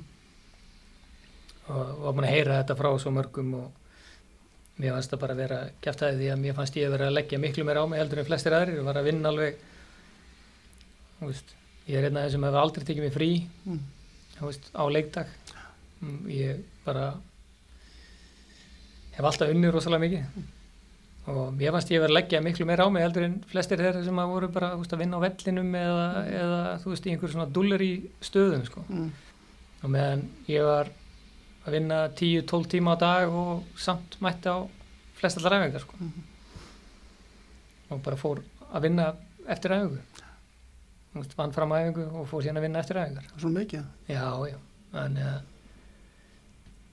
þannig að ég svona reytti því svona í hann. að það væri nú að væri fáir sem var að leggja jafn mikið á sig að spila í áhugamannabolta eins og ég og hann sagði þú veit nú að fá borga fyrir þetta og ég sagði já það er nú ekki, ekki sem að eftir að telja Mm. og hérna síðan held þetta áfram og síðan alltaf er hann landslýstjálfari og þá segir hann ja, nú ætla ég að gefa þetta ekki færi og, og nú ætla ætla að ræða hvernig við getum komið þér í í stand sem hæfi landslíðinu mm. Og við fórum hérna nokkur sem út að borða og heitust í kaffi og svona og, og hérna og hann spurði mig af hverju heldur að þú sért ekki til að leggja þetta á þig Mm. og ég sagði hann það að ég væri að bara vinna í að byggja upp annars konar feril Mm. í hérna í hérna heimi viðskipta meiri heldur en í heimi, heimi fótboltans Mm. Og lísti í hvað ég var að gera og hvern, hvernig fyrirtæki ég væri með núna og, og þá koma með þessa setningu að hérna hann sagði að, hérna, að ég ljómaði algjörlega þegar ég talaði um þetta en það var ekki sami ljómin yfir mig þegar ég var að tala um fótbolta Ok. og, hérna, og sagði við mig að ég ætti átta mig á því að, að ég væri raun og veru einn af þeim hefnu sem væri að vinna við eitthvað sem hann hefði ástrið í Mm. og, hérna, og það væri bara frábært og mér fannst það ótrúlega gott að heyra þetta á þessum tíma. Mm. og allir var líka síðan eftir þetta og margótt hittum maður alltaf Mm. þá talaði hann aldrei við mig um Já, heldur, heldur spurði mig alltaf hvað væri í gangi í, í fyrirtækinu mínu eða hvað ég væri að gera og, og hérna og já, mér finnst þetta ótrúlega hefðilegt hjá honum. En að samaskapi draf ég alltaf möguleika að verða að spila landsleik Já. á sama tíma sko en, en ég minna, eins og segi það er náttúrulega bara, veist, hugum að segja á ákveðnu stað og, og ef maður allar ná árangri í fótbolta þá þarf hugurinn að vera 100% Mm. veist, ég ég sé ekkit eftir ferlinu mínum veist, fe, fe, fe, og ferilli minn og fótboltaferilli minn hefur hjálpað mér Mm. með svona hérna með hérna hugafar Mm. og það hafa tekið þátt í, í hérna þessari uppbyggingu og, og, og siguför hjá FH það hefur gert mig að bæði betri stjórnanda og betri hérna betri CEO heldur en, heldur en, heldur en að ég hef alltaf orðið sko. Mm. þannig að ég veist að margt sem að maður tekið frá fótboltanum Mm. inn í við, heimi, Mm. en það er ekkert sem að maður getur tekið úr heimi viðskipta í Já, sko. þannig að það er ekkert sama sem merkið þar á melli sko. Nertu sættu svona eftir að hafa ekki fengið einu svona úlinga landsleik? Nei, ég náttúrulega fekk þá upplifun alveg í handbólta sko. Já, þannig að hérna, hérna en ég uh, hérna, þó þetta, kannski- til maður ljóma hrókafullt en getulega séð var ég mun betri heldur en ótrúlega margir hérna Mm. ef ég á að vera bara alveg reynskilinn sko. En, og ég var alveg með rétt hugafar til að byrja með Mm. þannig að hérna, og það hafa alltaf verið langmarkaðastur ekkit, ekkit lítið markaðastur sko, heldur langmarkaðastur yfir allengur lokana Já. sko. að hafa ég hef ekki svona mætt sko á þú veist, úrtaksafengu í, í fókbalta það er svolítið þú veist, og þá veist, það gott öll félög send, send þú veist, leikmenn á úrtaksafengar sko. ég hef ekki mætt ekki á einustu sko. Er það skapið það? hvað segir þið? Var það skapið sem trubla með? Nei, nei, ég...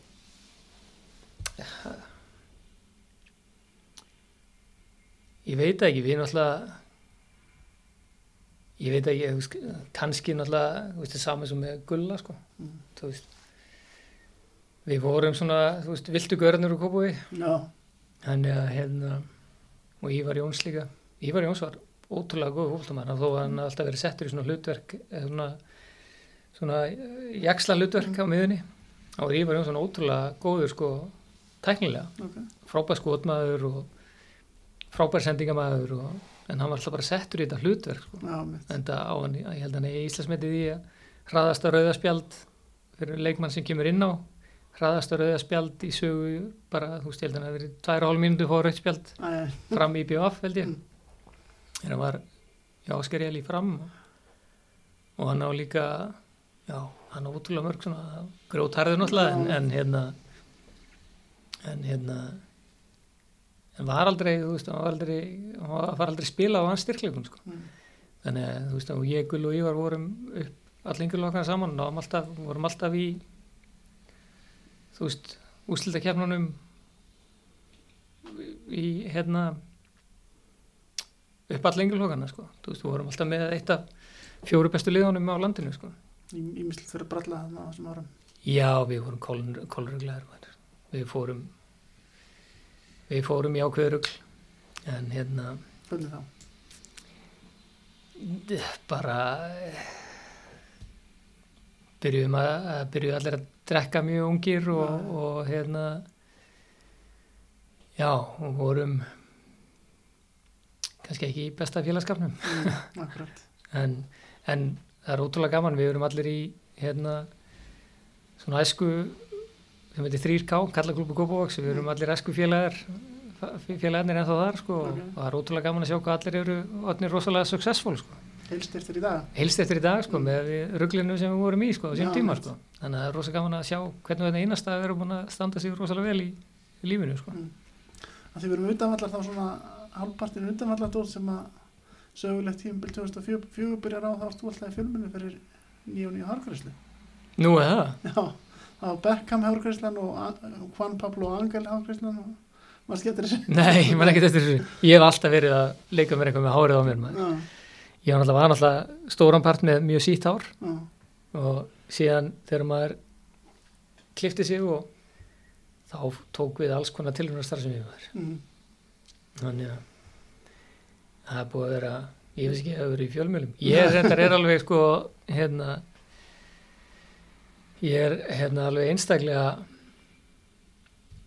lítið fyrir að lesa um sjálfa mig eða að ég er náttúrulega, alveg, ég er náttúrulega mjög ábærandi stöðu í Silicon Valley þannig að Mm. ég er náttúrulega ég er mjög mikið af fyrirlesturum og, og hérna og í viðtölum.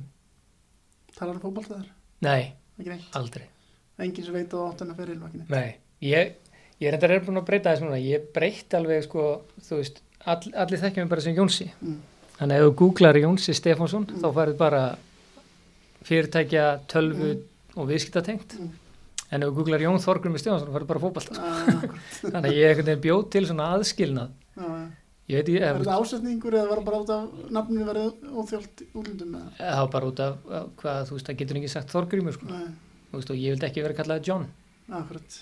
Og hérna, hérna, þannig að ég hef alltaf verið bara, þú veist, þekktur sem Jónsi, sko. mm, og hérna og ég les og hlusta ekki á neina mínu viðtölum eða mínu fyrirlesturum eða, eða ekki, eða, veist, ég gerði það þegar við erum boltanum sko. mm, en eitthvað svona utanvalla dæmi þá maður las fókbaldi.net og hvort maður fekk M mm, í morgunblæðinu mm, en annað ekki sko. Þarna sumarið 2004 þá kemur eitthvað dæmintýri þarna út í Skotlandi við spiliðu Dunfermline í Európa-kefninni og varstu því, var það 2003 Hvað? Dunfermline Já, það var, það var hérna 2003 með Sigurðars. Já, það var svolítið skemmtilegt ennví Nei, það var undir sig Óla og Leifi Já, heyrðu, það var endur, það er rétt, það er rétt. En það er 2003 rétt. já. já. Þetta var ævintýri svolítið mótið að spila mótið Dönfjörnmæn. Já, Já, já. undir snemma og þetta var búið og Já, vinnið þetta ekki á sundli eða hvað þessi jú, Tommy náttúrulega bara, já, bara, uh, hvaða handbóltamæður hefur verið stoltur af því sem hann gerði til þess að leggja bóltan fyrir sig og skora. Mm. Þetta var náttúrulega bara pjúra hendi en allt brjálað þarna. Var allt brjála Já, já, það er, uh, veist, já, Við- Sem er frá þessum degi í hérna, í Skotlandi. Já, Er, ertu minna eftir leikinu? já, náttúrulega Óli náttúrulega fór á kostum í viðtalinu þar sem hann veist, hérna, tók hérna smiðsræðuna sína. Já, og var síðan spurður að því hérna, hérna hvort þetta hefði verið hendi. Mm, og Óli verandi jafn heiðalegur og hann er og hann sagði bara já í viðtalinu og það var allt brjálað. Já, þannig að síðan náttúrulega var bara náttúrulega mikið fagnað og mm, bara taumlega skliði eftir að hafa komist áfram hann sko. mm. Svo er það titillin 2004 það, það stemdi nú alltaf í að þið myndu einhvern tíma taka titil þetta lið Já, sko ég held að hérna, eh, svona eftir á hyggja þá held ég að, að mikilvægast að skrefið í átt að þessu var þegar við erum dildabíkamestrar. 2002 Já. Það er svona lærðu við að, þú veist, vinna Já, og, hérna, og mér persónulega finnst að við hefðum átt að vinna 2003 líka. Mm, og það var bara, þú veist þráttur að hafa farið sko úr sjötta seti og í annarsæti og í byggjurastaleik þá var það bara svona heilt yfir allan hópin gríðaleg vonbrið mm, 2003 tímabilið og við, við, við, erum sko rosalega vonsvegnir með 2003 tímabilið. Það hafi ekki tekið titil að hafa ekki tekið það tvöfalt sko. Og hérna þannig að 2004 þá bara það var bara, það var bara allt í loftinu þú skipti ekki máli hvort það var undirbúinstímubili eða ekki, það var bara, við ætluðum okkur að vera meistarar Mm. og, og það var bara það var aldrei vafi okkur huga við myndum verða Íslandsmeistarar eða, þú veist, Íslandsmeistarar sko. það gerist þetta á Akureyri 19. september já, Þetta var rosalega dagur, eða ekki? já, þetta var rosalega ég er náttúrulega, hérna, tókna aftan í lærinu, Mm, hérna, í leiknum undan já, og sagt, og ég reyndi eins og ég veit ekki hvað til þess að sannfara Óla um að ég væri fýtt sko. mm, og ég sagði bara, ég bara geti ekki sprauta mig niður eða þú veist, fengi deyfingu eða einhverjum, ég var alveg sama hvort að, þú veist, ég var með rifin hérna vöðva í aftanlærinu já, ég vildi gera allt sko. ég sagði bara Óla, Óli, ég er fýtt sko.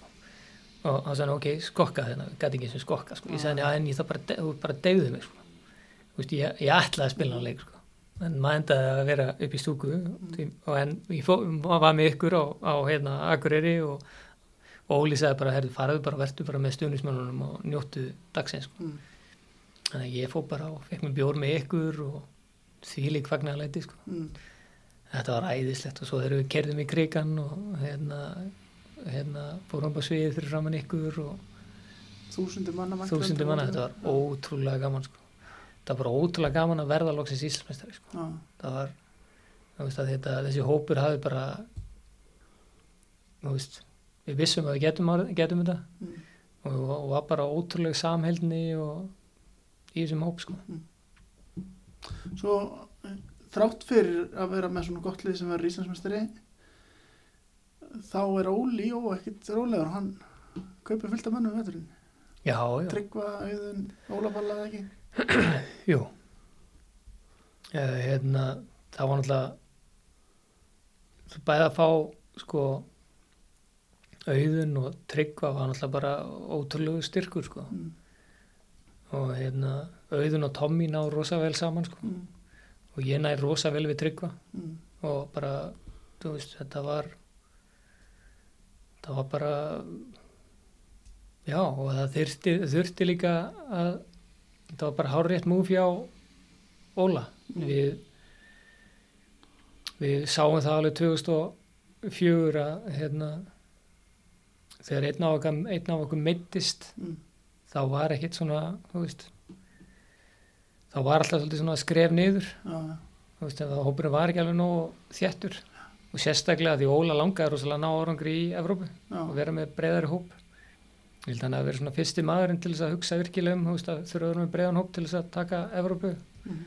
slægin og þetta var bara allt hárétt hjá honum sko. þó að á sínu tíma hefðu, hefðu, ótrúlega margir ekkit verið sáttur við að okkur verið að styrkja hópin svona Ég las eitthvað viðtal við þig frá þessu árið þar sem að þú spurði hvaða leikmannur og öðru liði myndir vilja fá í FH mm. og þú svarar engan þá er nú erfitt að komast í þetta leikvart já, mér finnst það bara gott svar hjá mér sko. Já, þannig að hérna það var miklu erfiðar að berjast um sæti í þessu liði heldur en bara Íslandsmestari liðin ára á á undan. Já, þú veist Já, það var það sko. En hérna, hérna Óli Rótar er svo svolítið sko. Mm. þannig að Þú byrjar allavega tímabilið í byrjunliðinu já, ég var í liði umferðarnar Já. og uh, liði fyrir umferðarnar veist, fyrstu nýju sagt, það var alltaf valið lið umferðarnar nummer eitt og síðan eitthvað. Mm. og ég var náttúrulega í liði ásins og tvisar búin að vera liði ásins og þetta og síðan hérna var ég að liði umferðarnar síðan síðan hérna er það þannig að hérna ég fer að vinna kemur rosalega vinnutörn hjá mér Mm. og Óli er ekki maðurinn til að fyrirgefa þú missir af æfingu sko. Já, og hérna ég misti af allan okkur um æfingum út af vinnu og, og þá, þá þráttur að vera í liðið umfyrirnar þá, bara- eða þú veist, liðið fyrir umfyrirnar eða fyrir, fyrir fyrstu nýju þá þá var maður bara tekin út mm. og hérna og eftir á higgja þá bara skilum við það mjög vel sko. og hérna Þá varstu ekki sáttur á þeim tíma Nei, nei, maður er náttúrulega náttúrulega þegar þú ert í hvort þetta í viðskiptum eða, eða í fótbolta þá skiptir sjálfströst og sjálfsálit gríðarlega miklu máli mm. og hérna mér fannst þetta, fannst þetta ekki sangjað en ég vann með sæti aftur inn og, og síðan aftur út og þú veist þannig að, þannig að þetta var bara svona inn, inn og út eftir fyrstu nýju sko. en eftir fyrstu nýju þá var þetta náttúrulega komið hjá okkur sko. Þá vorum við vorum bara búin að stinga af strax sko. en hérna Er þetta þetta 2005 FH-lið er þetta besta lið sem við spila á Íslandi?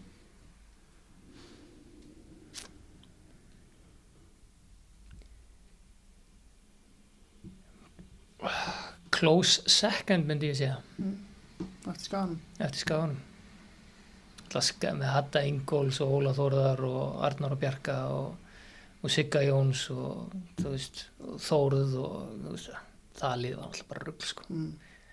Ég eina skipti sem að ég spilaði á móti liða sem hafa bara í hver er í lendur hérna, sko. Já, veist spila, spila á móti á móti breyðablík og töpum 4-0 upp á skaga sko, leikurinn með réttu átt að fara svona 16-17-0 sko. já, ég held að þessi er close second. Ok. Þú skora bara eitt mark eftir tímbil og, og það er ekkert smá mark sem að kemur á eða svona moment kannski. Káraöllin, já, sigumarki hvað Eitt- gerir í kjálfarið? 1-0, hoppa upp í stúku til áhverjandina, Akkur alltaf það, af hverju ég, hérna ég veit það ekki Nei. veit ekki af, eða, ég meni, ég gerði ég fagnaði yfirleitt alltaf til áhverjanda FH sko, mm. þegar ég skoraði sko. Kannski ég hoppaði ekki alltaf upp í stúku nei, það náttúrulega var miklu öðuldar aðna sko. Já, og síðan líka náttúrulega bara þú veist það var búið að hérna, það voru einhverjir káir söngvar hérna um hann hana sem að þau voru dásalega staðsettir við hliðin og þannig að stundismunum káir og mér varst að kjöri tæki færi að hoppa upp í stúku. Varst það á að syngja? Káraöllin nei, ég man ekki.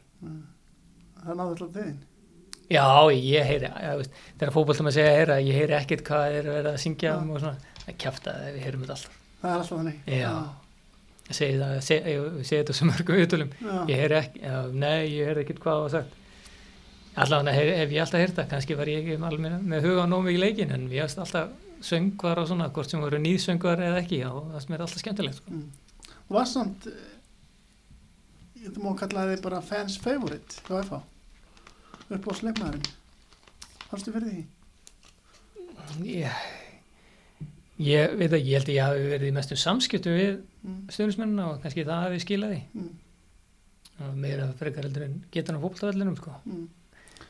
Fyrir tímabilið postaðurum er þess spjallsíðuna hjá þeim og já, ég ger það alltaf En þarna varstu sérstaklega að byggja um eitthvað ákveð, þú varst að byggja um að færa sig yfir í hérna stúkuna. Ég var að lesa það hérna, ég fletti því hérna upp á það. að færa sig yfir í aðalstúkuna Nei, úr aðalstúkunni. já, í- mér finnst það umöld þetta er fóruðu, fóruðu yfir í aðalstúkuna Já, þú veist, þegar það voru a- a- þú veist, alveg frá 2000 til 2003-2004 Já. þá voru það alltaf í litlustúkunni já, eða stæðunum það, þú veist, ágæðum að hoppa til ykkar og já, þú veist, hérna, hérna glaðst með ykkur og það var bara miklu meiri nánd. Mm, mér fannst, umulett eftir að þið voru færðir hérna upp í upp í aðalstúkuna sko. búið að loka þessu bara í dag, tvisvar ára næstulega. það var bara miklu meiri stemming að vera með ykkur hérna alveg við völlin og geta að hoppa til ykkar og heyrt hvað þið voruð að segja og Mm, þú veist svo hérna það var náttúrulega einstakur hópur af stjónismönnum sko. þannig að hérna, og búin að vera með okkur alveg síðan í fyrstildinni og og, og eins og ég hef alltaf sagt eiga alveg jafn stóran hlut í meistartillanum eins eins og við leikmenn sko. mm, síðan bara síðan hefur eitthvað gerst F og stundismennir eru bara ekki svipur og sjón lengur nei, það finnst svolítið svona heilt yfir, það var miklu meiri stemning á öllum öllum. öllum öllum, já, já já, algjörlega, þú veist, Silvískeiðin og Káir stundismennir, það var bara miklu meira Já, miklu meira svona miklu meira stemming fannst mér sko já, það er náttúrulega bara komin tími til að fara að selja bjóra á völlunum og menn skemmti sér og verða með sem á læti og það er reyndar þannig, já, ég veit að þú mætir ekki eins mikið en bjórin er alveg mjög algengur. ja, það, er er það ekki bara í stuðnismanna eða veist, í hérna Nei, nei. VIP dæminu? Ekki bara alveg, Nú er það ekki? er allt, sko. Nú er það? Já, já, já. Nú, það er veisla. Það varstu svona stund, vinsall hjá stundismönnum annar liða sem spilaði fyrir Já, ég var mjög vinsat hjá hérna, stuðnismannum Vals en það var svona en þú veist, ekkert, ekkert í líkingu við þetta sko veist, Háká, uh, veist, Há, Háká, jú, náttúrulega fínir stundismenn í Háká og svona þegar maður kom þangað sko. Mm. En, hérna, en ekkert kannski svona í, það var, þú veist, þetta var bara eitthvað einstakt hjá FH fannst mér. verði meistara þarna uh, mjög snemma unnuð alla leikina klára titilin og, og þá kemur smá bakslag. Er það ekki bara aðlilegt þegar að já, það var samt ekki 7-0 bakslag sko. nei, Nei, nei, já, já. er er það er bara- aðlilegt þegar að mann er búin að fagna titli já, Já, það kemur náttúrulega þegar þú ert búin að vera, þú veist, það kemur bara svona spennufall og þú veist, þú sér bara tempóið á æfingum og öllu sem að, ver að verður miklu minna. Mm. Þá sérðu bara að það er ekki að fara að ganga vel næsta leik, sko. Nei. Við töluðum með þessu um það og leiðum upp á skaga, sko. já, það Já. það er kannski, það er að koma bara beint í hugan Já, já. en þú ákveður að yfirgefa samt þetta tímbili já. Þannig er eiginlega bara ákveðin í að hætta já, og við, mér langaði alltaf að enda fyrir minn í Háká. Og hérna Háká hérna árað undan endaði sko næst var næst í fallin er í aðra dild hérna þannig að mér langaði að enda fyrirlin í Háká og við fórum upp. Mm. og höldum okkur síðan uppi að því að fjöld bara eitthvað Mm. en gekk bara það gekk rosa vel sko, maður skoraði alveg veist, bara að fara neyri fyrstild eftir að bara reynskilin sagt að fara neyri fyrstild bara hlutinir eru bara mm, tíu sinn meðöldri sko. Mm. Þú veist, það, er, það er bara svo mikill munur á þú veist menn telegrafa gjörsanlega hvert er að fara að senda þú veist, það er bara það er, það er svo rosalegu munur Mm. þú veist, Íslandi er bara ekki nóg margir til þess að vera með tvær frábæra dildir, sko, Nei. eða góða dildir og hérna og það, hérna, ég held að ég hefði skorað eða flesta af mínum mörg, ég held ég að við mann ekki að skoraði mörg mörg, en verður með að skrifa þetta Ég held ég að skora 80% af mörkunum sem við skoraðum held ég og lagt upp inn, en ég menna flesta af þessum mörkum sem við skoraðum sjö markatildinni í sjömarkudildinni Já. já, ég, nei það var í efstu er, ekki. það er, já, það er, það er í efstu dildinni, Já. ég skoraði sjömörk sem sagt í efstu er ekki með það, já. já. ég held ég að sko, skora 18 eða 19 mörk Já. í, hérna, en það var flest eftir að komast inn í sendingar hjá mönnum, sko, hjá vartamönnum Já, auðvöldra að lesa leikin. það er bara, þú veist, menn telegrafu svo nákvæmlega hvað er alltaf að gera og þú veist, mér fannst þetta, þú veist fannst þetta að vera rosalega munur. Já, og hérna ég held að, fle- eins og ég segi, ég held að flesta mörkunum sem ég skoraði í fyrstöldinni hafi verið bara að komast inn í sendingar og ennum við markmanni, þú veist. Þú sagði verið tímbilið að það verið mikið skotaði fyrir að fara í háka. já, já, Akkur var það? ég er náttúrulega ekki, er það gamall Nei. þarna, sko veist, Menna það verið að koma eitthvað eða? já, já sem ég var að gera á gönluta ég, veist, ég vildi bara þú veist, ég var bara ákveðin, ég ætlaði bara að taka hefðu ekki farið upp, þá þetta bara verið eitt tímabil, sko Ok, og hérna við fórum upp og hérna og höldum okkur uppi og þá skoraði ég mitt sjö mörk að árið eftir Mm. í efstu til já, með með bara slöku liði við Mm. vor, við, þú veist mér fannst við vallega eiga erindi í efstu til sko. mm, við vorum alltaf með frábæra markmann og við vorum með svona góða pósta hér og þar Mm. og hérna, hérna Gulli náttúrulega er líklega besti markmaður sem að hefur spilað í efstu deldi í Mhm.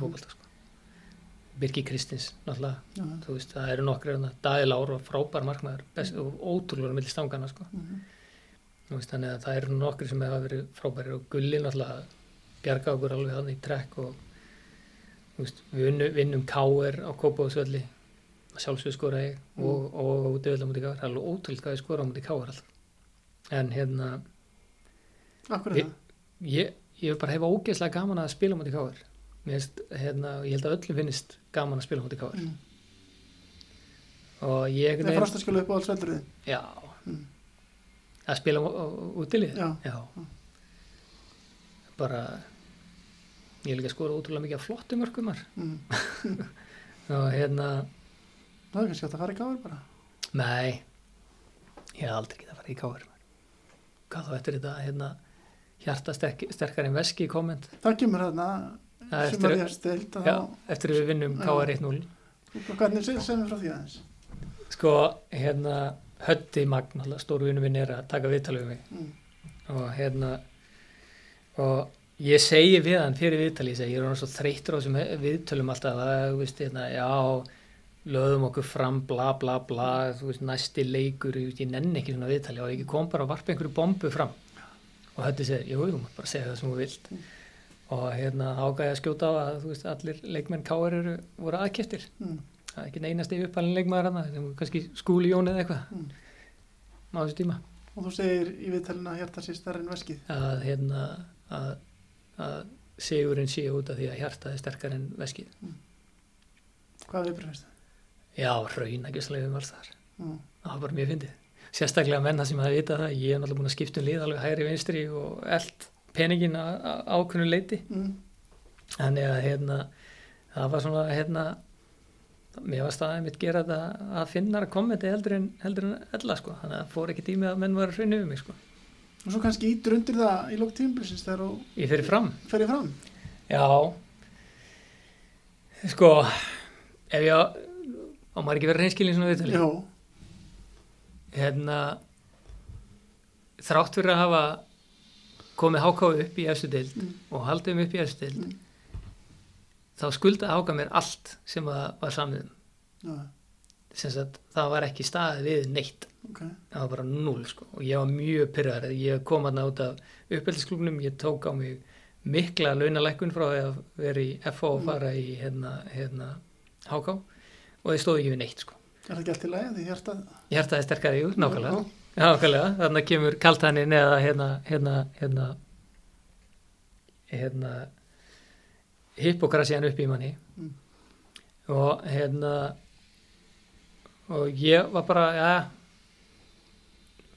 fókit ég er hættur Mm. og þá kom bara mjög flottu samningur frá fram Mm. og hérna hérna og ég hef alltaf haft mikið álit á Tóta Örlíks Mm. mikill skapmaður og við höfum alveg sko lendi í sko nánast lendi í slagsmálum Nú, nokkru sinnum segðu mér nú einhverju sögur úr því það var þegar hann var að þjálfa að káfa hérna 2000 Mm. og við komum með FH Mm. og hérna vunnuleikin held ég að verið 3-2 Mm. Fengum tvær vítaspinnur mm. og ég, sagt, ég fiskaði báðar vítaspinnunar Mm. eitt var pjúra viti og hitt var algjör leikarskapur sko. og Totti tjúlast Mm. gjörsanlega tjúlast og hérna alveg rétt mætt hjá þetta var bara pjúra leikarskapur ég hef aldrei skilið þetta, ég veist, það er dómari þú veist, og hérna, hérna ef einhver renni taklar henni þig og skrið taklar henni þig þá á mínum að er þessi varn, tildækni varnamaður bara vittlisingur og hann er að bjóða hættunni heim Mm. og ég er náttúrulega bara að pikkaði boltanum og beðið eftir að hann myndi koma og hljóp síðan á hann lefnum þetta Mm. all part of the game og allir, veist, allir hérna, þessir hérna, heilu, heila liðið sem að fyrir að segja helvítis leikarskapur eða líka fótboll, þetta er vera partur af fótbollta frá upphæði Mm. og ef, ef skriðtæklarinn teg þá áttu bara skilið að, fá dæmdóði vítaspinni og hérna, en algjörlega og fiskaði þetta algjörlega og hann var alveg, hann tjúlaðist síðan erum við að lappa inn í hérna hérna hérna klefan og ég er náttúrulega með sítt hár. Og tegi tótti sig yfir hérna og rýfur í hárað á mér. Rýfur mig og svo djúfusins helvítis stattu í helvítis lappirnar aumingiðin og eitthvað svona. Og ég er náttúrulega með mitt litla skap náttúrulega bara ríki í hann líka og það þurfti að tóa ykkur í sundur sko Mm. Já, og þetta var ekki eina um líka Nei. Það var, var, dæmi við hann voru að lappin í klefa eftir einhvern leik og, og hérna og ég reyti einhver í hann og hann náttúrulega báði bara miklu skapmenn sko. en Totti er frábæð þjálfari Já, þú ákveður alltaf að fara til hans hvernig- Þurftu það sett líka mál Nei, nei, nei. Hann er bara eins og ég, ég menna bara, þú veist, þetta bara gerist í hitta leiksins og svo bara move on sko. Og það er ekkit það er ekkit hérna það er, þú veist ef maður alltaf vera að erfa við alla þá getur maður ekki tala við neitt sko. Nei, þú veist, hérna þannig að maður, maður erfir ekki neitt og hann var bara sama sko, þú veist, þetta gerist bara í hitta leiksins og kendi mér ótrúlega mikið, þú veist, og undirbúinstjömbli, ég held að ég hef spilað líklega einn af mínum besta fótbolta undir stjórn Totta þangutulega ég hérna fer enn einu sinni nýjum Mm. og hérna þú veist, deildabygganum allt ég bara, þú veist ég læriði ótrúlega mikið á hann sko. Mm. og ég bara var að spila já, mínum að þið var ég að spila bara, held ég bara besta fótballta sem ég spilaði undir honum að, að Íslandsmótinu og í fyrsta leik ég náttúrulega, þú veist skora í hérna, hérna fyrsta leiknum móti fylki og leggu upp Mm. við erum 2-0 yfir og svo í einhverju svona stundabrjálaði áka ég að fara í tæklingu við Óla Stíks af öllumönnum Mm. og Óli Stíks er náttúrulega vaksin eins og, eins og þú veist, trjátrömbur sko. Mm. Og hann fer að fullum krætti í tæklinguna og ég fer innanfótar í tæklingu móti Óla Stíks Nei, og það bara bara í, já, í drasl sko. og síðan hérna kemur tilbaka móti hérna, hérna fjölni. Mm. og sem sagt hérna fæ svona hérna með manni í bækinu teka með hæri löppinni fram hjá honum. Mm. en hann kemur á flegi ferð og straujar löppina sem við stendi í Mm. og það er að leiðandi hérna þrý öklubarni Nei. þannig að ég fæ sem sagt hérna, hérna er ennþá með sem sagt tvo nagla í löppin eftir það þá Mm. var bara ferlinum sjálf hætt Vildur þú fram eftir þetta eða- hvað segirðu? Vildur þú fram eftir þetta sumar eða hættur þú bara í fókbalta? Já, er bara flutti síðan bara út Já, þá kemur tilbúið frá Noregi og núna var það ekki fókbalta Nei, nei, nei, það, það ég, já? jú, ég var náttúrulega búin að vera sagt, að vinna fyrir Já, í hérna, dágóðan tíma Mm. á meðan ég var framkvæmdastjóri hjá félagi sem heitir Þekking já, og hérna og þó bara var ég beðin um að hvort að ég geti hægt að vinna remotely og koma og flutt út og tekið það með stærri stöðu og ég gerði það og það var náttúrulega bara frábært tími. já. Smá Íslandstenging þar var það ekki? Jú, Jón Van Tjetsner er náttúrulega stofnandi ópera og stórvinn minn Já. og mikill mentor þegar kemur að viðskiptum. já. þá ertu bara hættur að skipta þér að fólkvölda Já, og, og segir mér hvað ertu að gera í dag? Hvað, í dag er ég sagt, Chief Technology Officer Mm. hjá, hérna, hjá Fortune 500 fyrirtæki, mm, amerísku fyrirtæki í Silicon Valley sem heitir NetApp. Mm, en ég tók við þeirri stöðu þegar þeir kiftu hugbúna fyrirtæki mitt, Greencloud mm. þannig að hérna hvað gerir þetta? Hvað er það framlega? Uh, þetta er hugbúna fyrirtæki mm, uh, en er líka að selja svona storage lausnir já, þannig að hérna, ég sé um sem sagt uh, allt sem það þeir gera í klátinu. Já, og það er búið að ganga alveg lígilega vel og hérna en maður er alltaf maður maður fær svona golden handcuffs þegar þú selur fyrirtækin. Mm, og maður er með countdown þá til að handjórnin losna þannig að maður getur ferð að búa til annað fyrirtæki. Já og ertu með fullt af hugmyndum? Já, ég fæ eins og ég segi við alltaf ég fæ 19 slæmar hugmyndir á hverju mánuði mm. og eina góða svona á hverjum kvartar og þú hefur fram, fram veist, látið verða mörgum að þessum hugmyndum samt eða ekki? Jú, en ég er mjög, það sem er mjög, gagnast mér mjög mikið á, á þessu sviði er ég mjög sjálfsgagrinin og ég get svona drepið flestar af mínum slæmi hugmyndum. Mm, en, en hérna, en fer í, sagt, eh, en fylgi alltaf eftir þeim hugmyndum sem ég er með sem að ég tel vera góðar. Mm, og nógu góðar til þess að, að verða álveru fyrirtæki. Uh, mér og ferðist rosa mikið út af þessu eins og talum við aðan en áttu þú erfitt með að deila verkum með aðra eða er það of mikið á sjálfa þig Já, ég er, að- ég er að bæta mig því. já, Ég hef ég hérna hef verið mjög nálægt svo kallu ég, ég hef svolítið fyndið, ég hef verið rosalega dismissiv á fólk sem er sem segist vera burned out. Mm, ég hef bara alltaf vart á hvaða helvits umíkiskapur er þetta? Mm, en nú er maður, eh, þú veist að upplifa að maður er hættulega nálægt burnout út af því að maður er ekki nógu góður í að delegita þráttur og sýta að vinna við eitthvað sem hefur ástrið fyrir. Já, já, það, það maður, maður getur ekki unnið 16-18 tíma á dag mm, stanslust, sko. það kemur að maður þarf að pústa. þú kannski nýtið þér þá þetta tækifæri núna þegar koronavirðin er búin að stoppa allar samgöngur og Já, já, al, algjörlega, ég, ég tók, tók mér bara frí núna í tvær aukur, já, uh, svona uh, leita á það sem besta tíma til að vera með að slaka þess á. áttu bókaðan flug með það? Nei, Nei. ég hafa ekki bókað flug með það neitt. það er langt sem það hafa gerst Já, ekki, já, ég hef ekki verið heima í heilan mánuð í ég hefur rúglega 8-9 ár. Lókar að spyrja það út í óhugnarlega lífsreynslu sem varst fyrir eh, hvað 2017 út í Las Vegas Já, Já. við frá því herðu það, það þannig er, er nettapp tiltölulega nýbúið að kaupa Green Cloud mm, og hérna og við- eh, hérna, og nettapp er með svona, tíu smannar rástefnu Mm. sem er alltaf bara fyrir viðskiptavinni og annað, alltaf í Las Vegas alltaf á, alltaf á Mandalay Mm.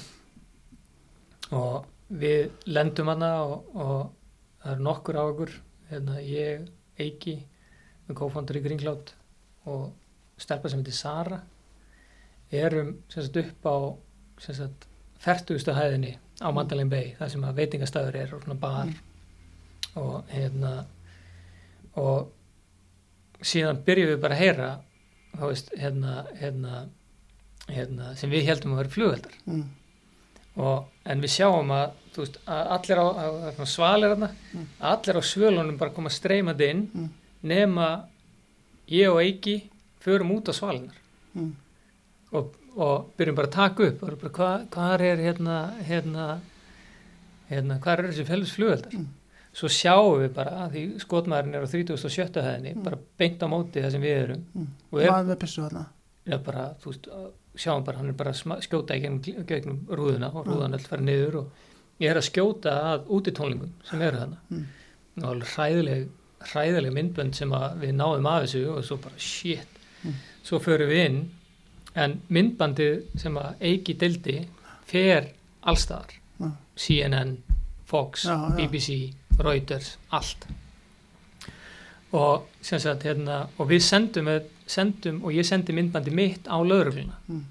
hérna til upplýsingar Mm. til þess að viti og hérna síðan erum við bara sett inn öllum liftum á hótelunum loka og við erum hérna með einhverju 200 manns bara hérna upp í hérna í, í hérna, í, hérna á veitingastanum Mm. læst inni síðan hérna, hérna kemur allt í unni það að hérna, þú veist, það sem að var náttúrulega líka þú veist, hefði hann litið upp og séð okkur á sjálfunum þá hann getað skotið okkur bara mjög öll sko. Já. veist, en allavega síðan kemur að því að hérna að hérna lögreglan ræðist inn á hótelið en ræðist inn á hótelið að því það er, þú veist, fær tilkynninguna að, að því við sendum myndbandi inn sem er á 40. Mm. hæðinni og skotmaðurinn er á 37. hæðinni að hérna fær tilkynninguna að það sé líklega vitorsmenn á sama á, á veitingastannu sem við erum og á sama tíma þeir farin í herbygjónum Mm. þá brjótast þeir inn eða komast þeir inn, koma inn í veitingastæðin Gráður í fyrir jafnum og ekki mertir og ekki neitt og rafmagni allt í hennu allt tekið af Já. og allt í hennu sérðu bara gauður að koma inn og þeir tilkynna ekki að þeir séu lögreglan Já. eina sem þeir segja er we are armed, everybody hit the floor Mm. og það var bara paníkástand veist, fólk bara, þú veist, hoppaði út um allt og faldi sig og datt út um og gler um gler, og, þú veist, brotnaði um borð og glerbrot út um allt og, og hérna og maður er svo klikkaður í, þessum, í svona aðstæðum að hérna ég hugsa veist, ég eiki hoppar hérna yfir mig Sara fer, sittur saman í sófa sko, eiki og Sara stökk einhvert eðlilega og fara einhvert og reyna að fela sig eins og allir, allir á veitingastanum nema ég hugsa, herðu, það hlýtur að vera lögreglun og hérna hérna og síðan, síðan tek ég sér að hérna, síðan þeir eru byrja öskar allum að leggjast og allir legðu þessu gólfi og það er bara, fólk liggur um allt og ég get ekki lagst hérna, hérna var bara glerbrot þannig ég ákveða að taka sko tvö skref og leggjast á auðan stað Mm. sem voru náttúrulega mikil mistök því ég náttúrulega var tæklaður Já. af lauruglunni hent upp í loftið, skellt niður bissa aftan í nakkan á mér og sagt hérna, hérna palms out, palms out og ég held bara, ok, þetta eru loðnir á mér palms out Mm. Síðan er ég bara tekin og veist, höndin á það snýst ekkit almennlega svona sko. þannig að þeir ná að taka múr axlalið og hérna taka síðan bara svona zip tight og festa hendun á mér á baku og hérna síðan fara þær um allan, allan veitingastæðin fá alla veist, og hérna, hérna setja fólk allstæðir kring Mm. og láta setja bara í svona eitt stóran ring á gólfinu. Nema ég er í miðjunni einu guðin sem er eins og þú veist, sem eins og þessi handtekinn sko. Mm. og þá loksins tilkynnaðir þetta er hérna, við erum lögreglan Mm. og, en þegar að ég var tæklaður og fekk hann að byssun í nakkan þá hugsaði, ég, shit, þetta er ekki löggan þannig að þetta og síðan vorum við læstan inn í 15 og hálfan klukkutíma Eftir að þetta gerist já Mm. og þú veist og hérna e, við hérna við krökkuðum hérna hérna hérna lögregluskannan mm. og það var bara ein innstunga Tölvum mennin og við hérna vorum að spila þetta fyrir alltaf Já. og hérna þannig að það voru allir sem vildi alltaf hlaða síman minn. Mm. vegna þess að ég var með lögregliskannan og við vorum að hlusta á þetta.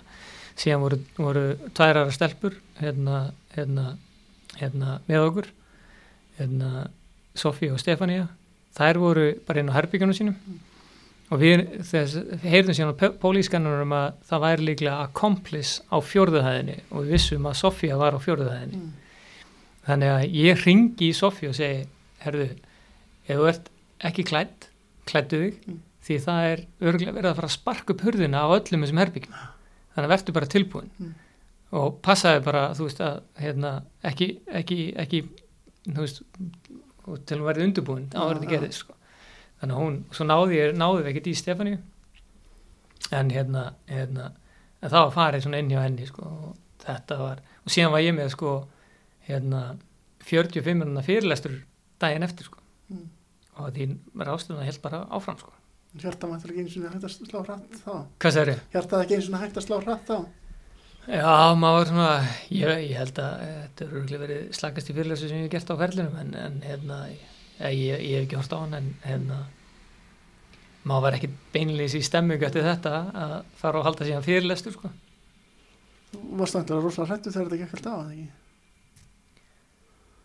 Um, sko, Byrjar á skotriðinni þarna ja, skot, mér, mér fannst þetta, þú veist, það var meira svona deburð vegna þess að, hérna, mér fannst náttúrulega bara hræðilegt að, að hérna,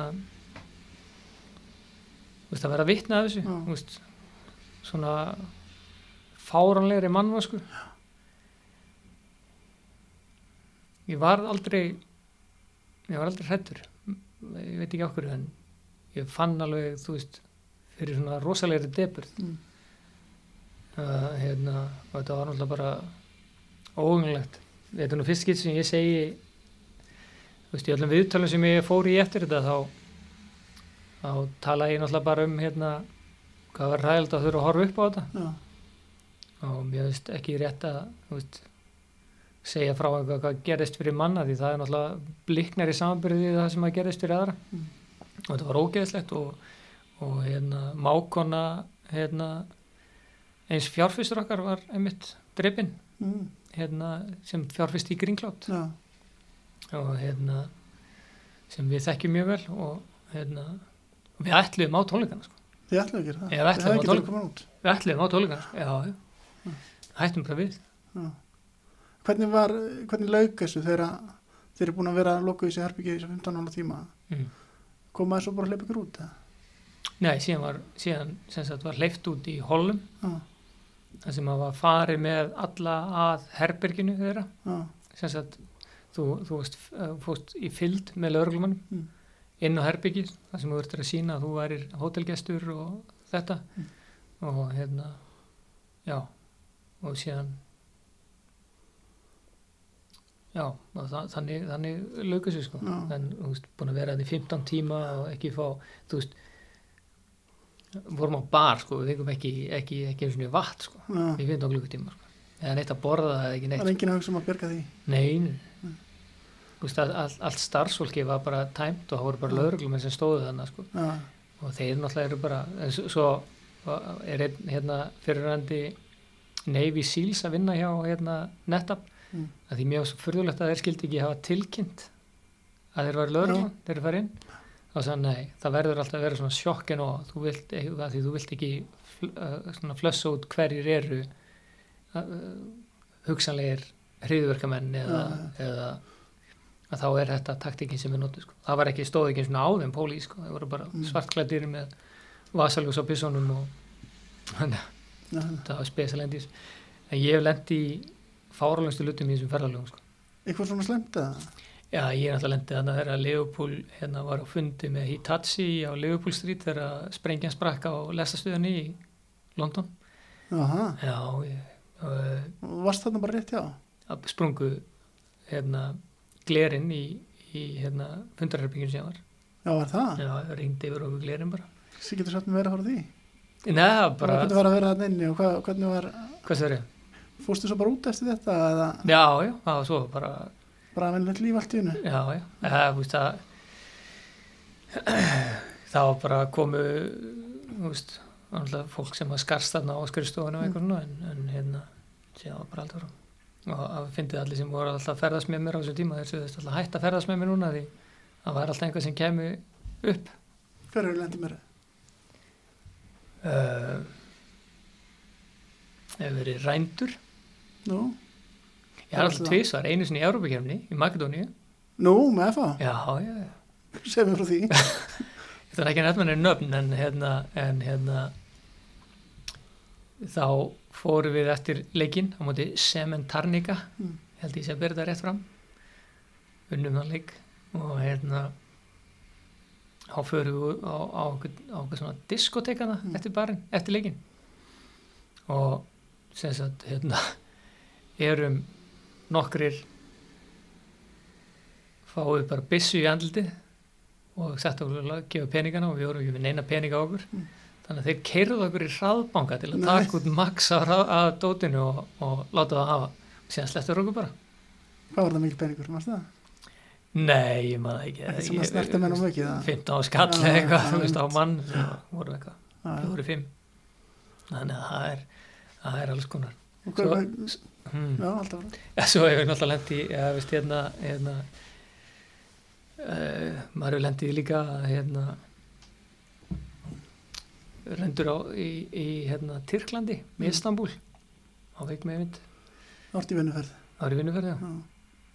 Og það búið að götu bara? Já, það er bara hérna, einna að býða til legubíl fyrir svona veitingastað. Mm. og hérna og það búið að vara alveg sérstaklega við að það veru legubílar sem væru svona feik legubílar Já, væru ekki alvöru löggildi legubílar en samt með taxisæn og allt svona. Já, og ég er búin að panta legubíl sko. og síðan stoppa gaurinn og, og þú veist segir hei og ég bara býst við að þetta sé legubílinn sem er að koma að segja mig. Og þá var þetta ekki legubílinn sem var að koma að segja mig þá var þetta bara svona feik legubíl sem að Mm. svo bara snýra sig við þegar hann og ég segi hvert að fara, hann er komin í eitthvað svona húsasund eitthvað. Og hérna þá snýra sig bara við og beini byssu af mér og segir hérna tók hérna hérna úrið mitt og, og þú veist einhvern 30 skall eða eitthvað Já. en hann tók mikið í hraðbanka samt sko Og passar að hafa lítið á þér Ná, nei, ég- þú veist, ég, eh, þú veist, er einhver með pening á sér í dag? Já. Ég meina, ég bara, bara tóm tilvílun ef með einhvern pening á mig, sko. Ég sé miklu meira eftir úrinu, sko. Er þetta langt síðan þetta var? að- Hvað það er? Langt síðan þetta var? Já, ná, kannski 8-9 ára. Það er búið rólegt í þessu vesinni það núna. F- Eftir, eftir mandala e- bæ. eftir Madeleine Bay, já. Það er alls konar annað gest. Já, það er alltaf einhver æventyr í þessum ferðum, sko. Mm. En, já. Þetta spjall er búið að taka svolítið óvæntan snúning, ég er að segja það. En ég ætla svona bara í lókinu að spyrja þig hvort þú hafur áhuga að starra hvað fótbolta í framtíðinni. Nei, Engan áhuga. engan á. Það, það, úst, ég, hérna, þessi kapli er bara búin hjá mér. Já, og hérna og þegar hann kláraðist þá var ég raun og veru bara fegin mm. og fekk aldrei þessa löngun til þess að starfa eitthvað ég, ég fylgist mjög, mjög, mjög vel með fótbolta Mm. þú veist, ég mæti á leiki þegar ég er á, landinu og, og hérna hérna og þú veist, og fyrir mér er svona liðin mín eru HK og FH Mm. og það er svona liðin sem ég er til í að styðja og sponsora. Mm. en hérna en það er svona uh, maks sem að ég til í að gera. Ég hef, ég hef enga löngun til þess að fara í þjálfun eða, eða enga löngun til þess að vera í stjórnum eða ég bara ég vinn allt og mikið nú þegar. Já, og ég vil freka bara stiðja félagun með þá með hérna peningalegum hætti frekar heldur en vinnutíma hætti og ég ber endalösa virðingu fyrir þeim sem að starfa í stjórnum og eru til að leggja allt á sig í, í sjálfbáðunum Mm. og minna, horfðu bara á hvað Jón Rúnar hvað hérna hérna, hérna Vitti og Þórir Mm. gerðu fyrir FH mm. uh, og mér finnst liðið sem er núna í stjórnum og annað hjá HK að vera að gera ótrúlega svipaða hluti og, og þeir gerðu á sínum tíma ok. Þannig að hérna, og ég ber endalisa virðingu fyrir mönnum sem eru til að leggja á sig nánast fullan vinnutíma að auki fyrir sína venjulega vinnu í að, að veist, án, þess, án þessara manna er, er þessi félög ekki neitt neitt sko. Og þú endur gældur með því að gefa peninga í starfið. já, ég reyni að gera Já. það það er eina sem, að, eina sem ég get komið með Mm. ég hef ekki tíma til að vera gerir þetta hana. Það var eitt af mikilvægast sem get, menn geta fengið sérstaklega þessum síðustu og vestu. Já, kannski. Já. Takk fyrir spjallið. Takk fyrir spjallið.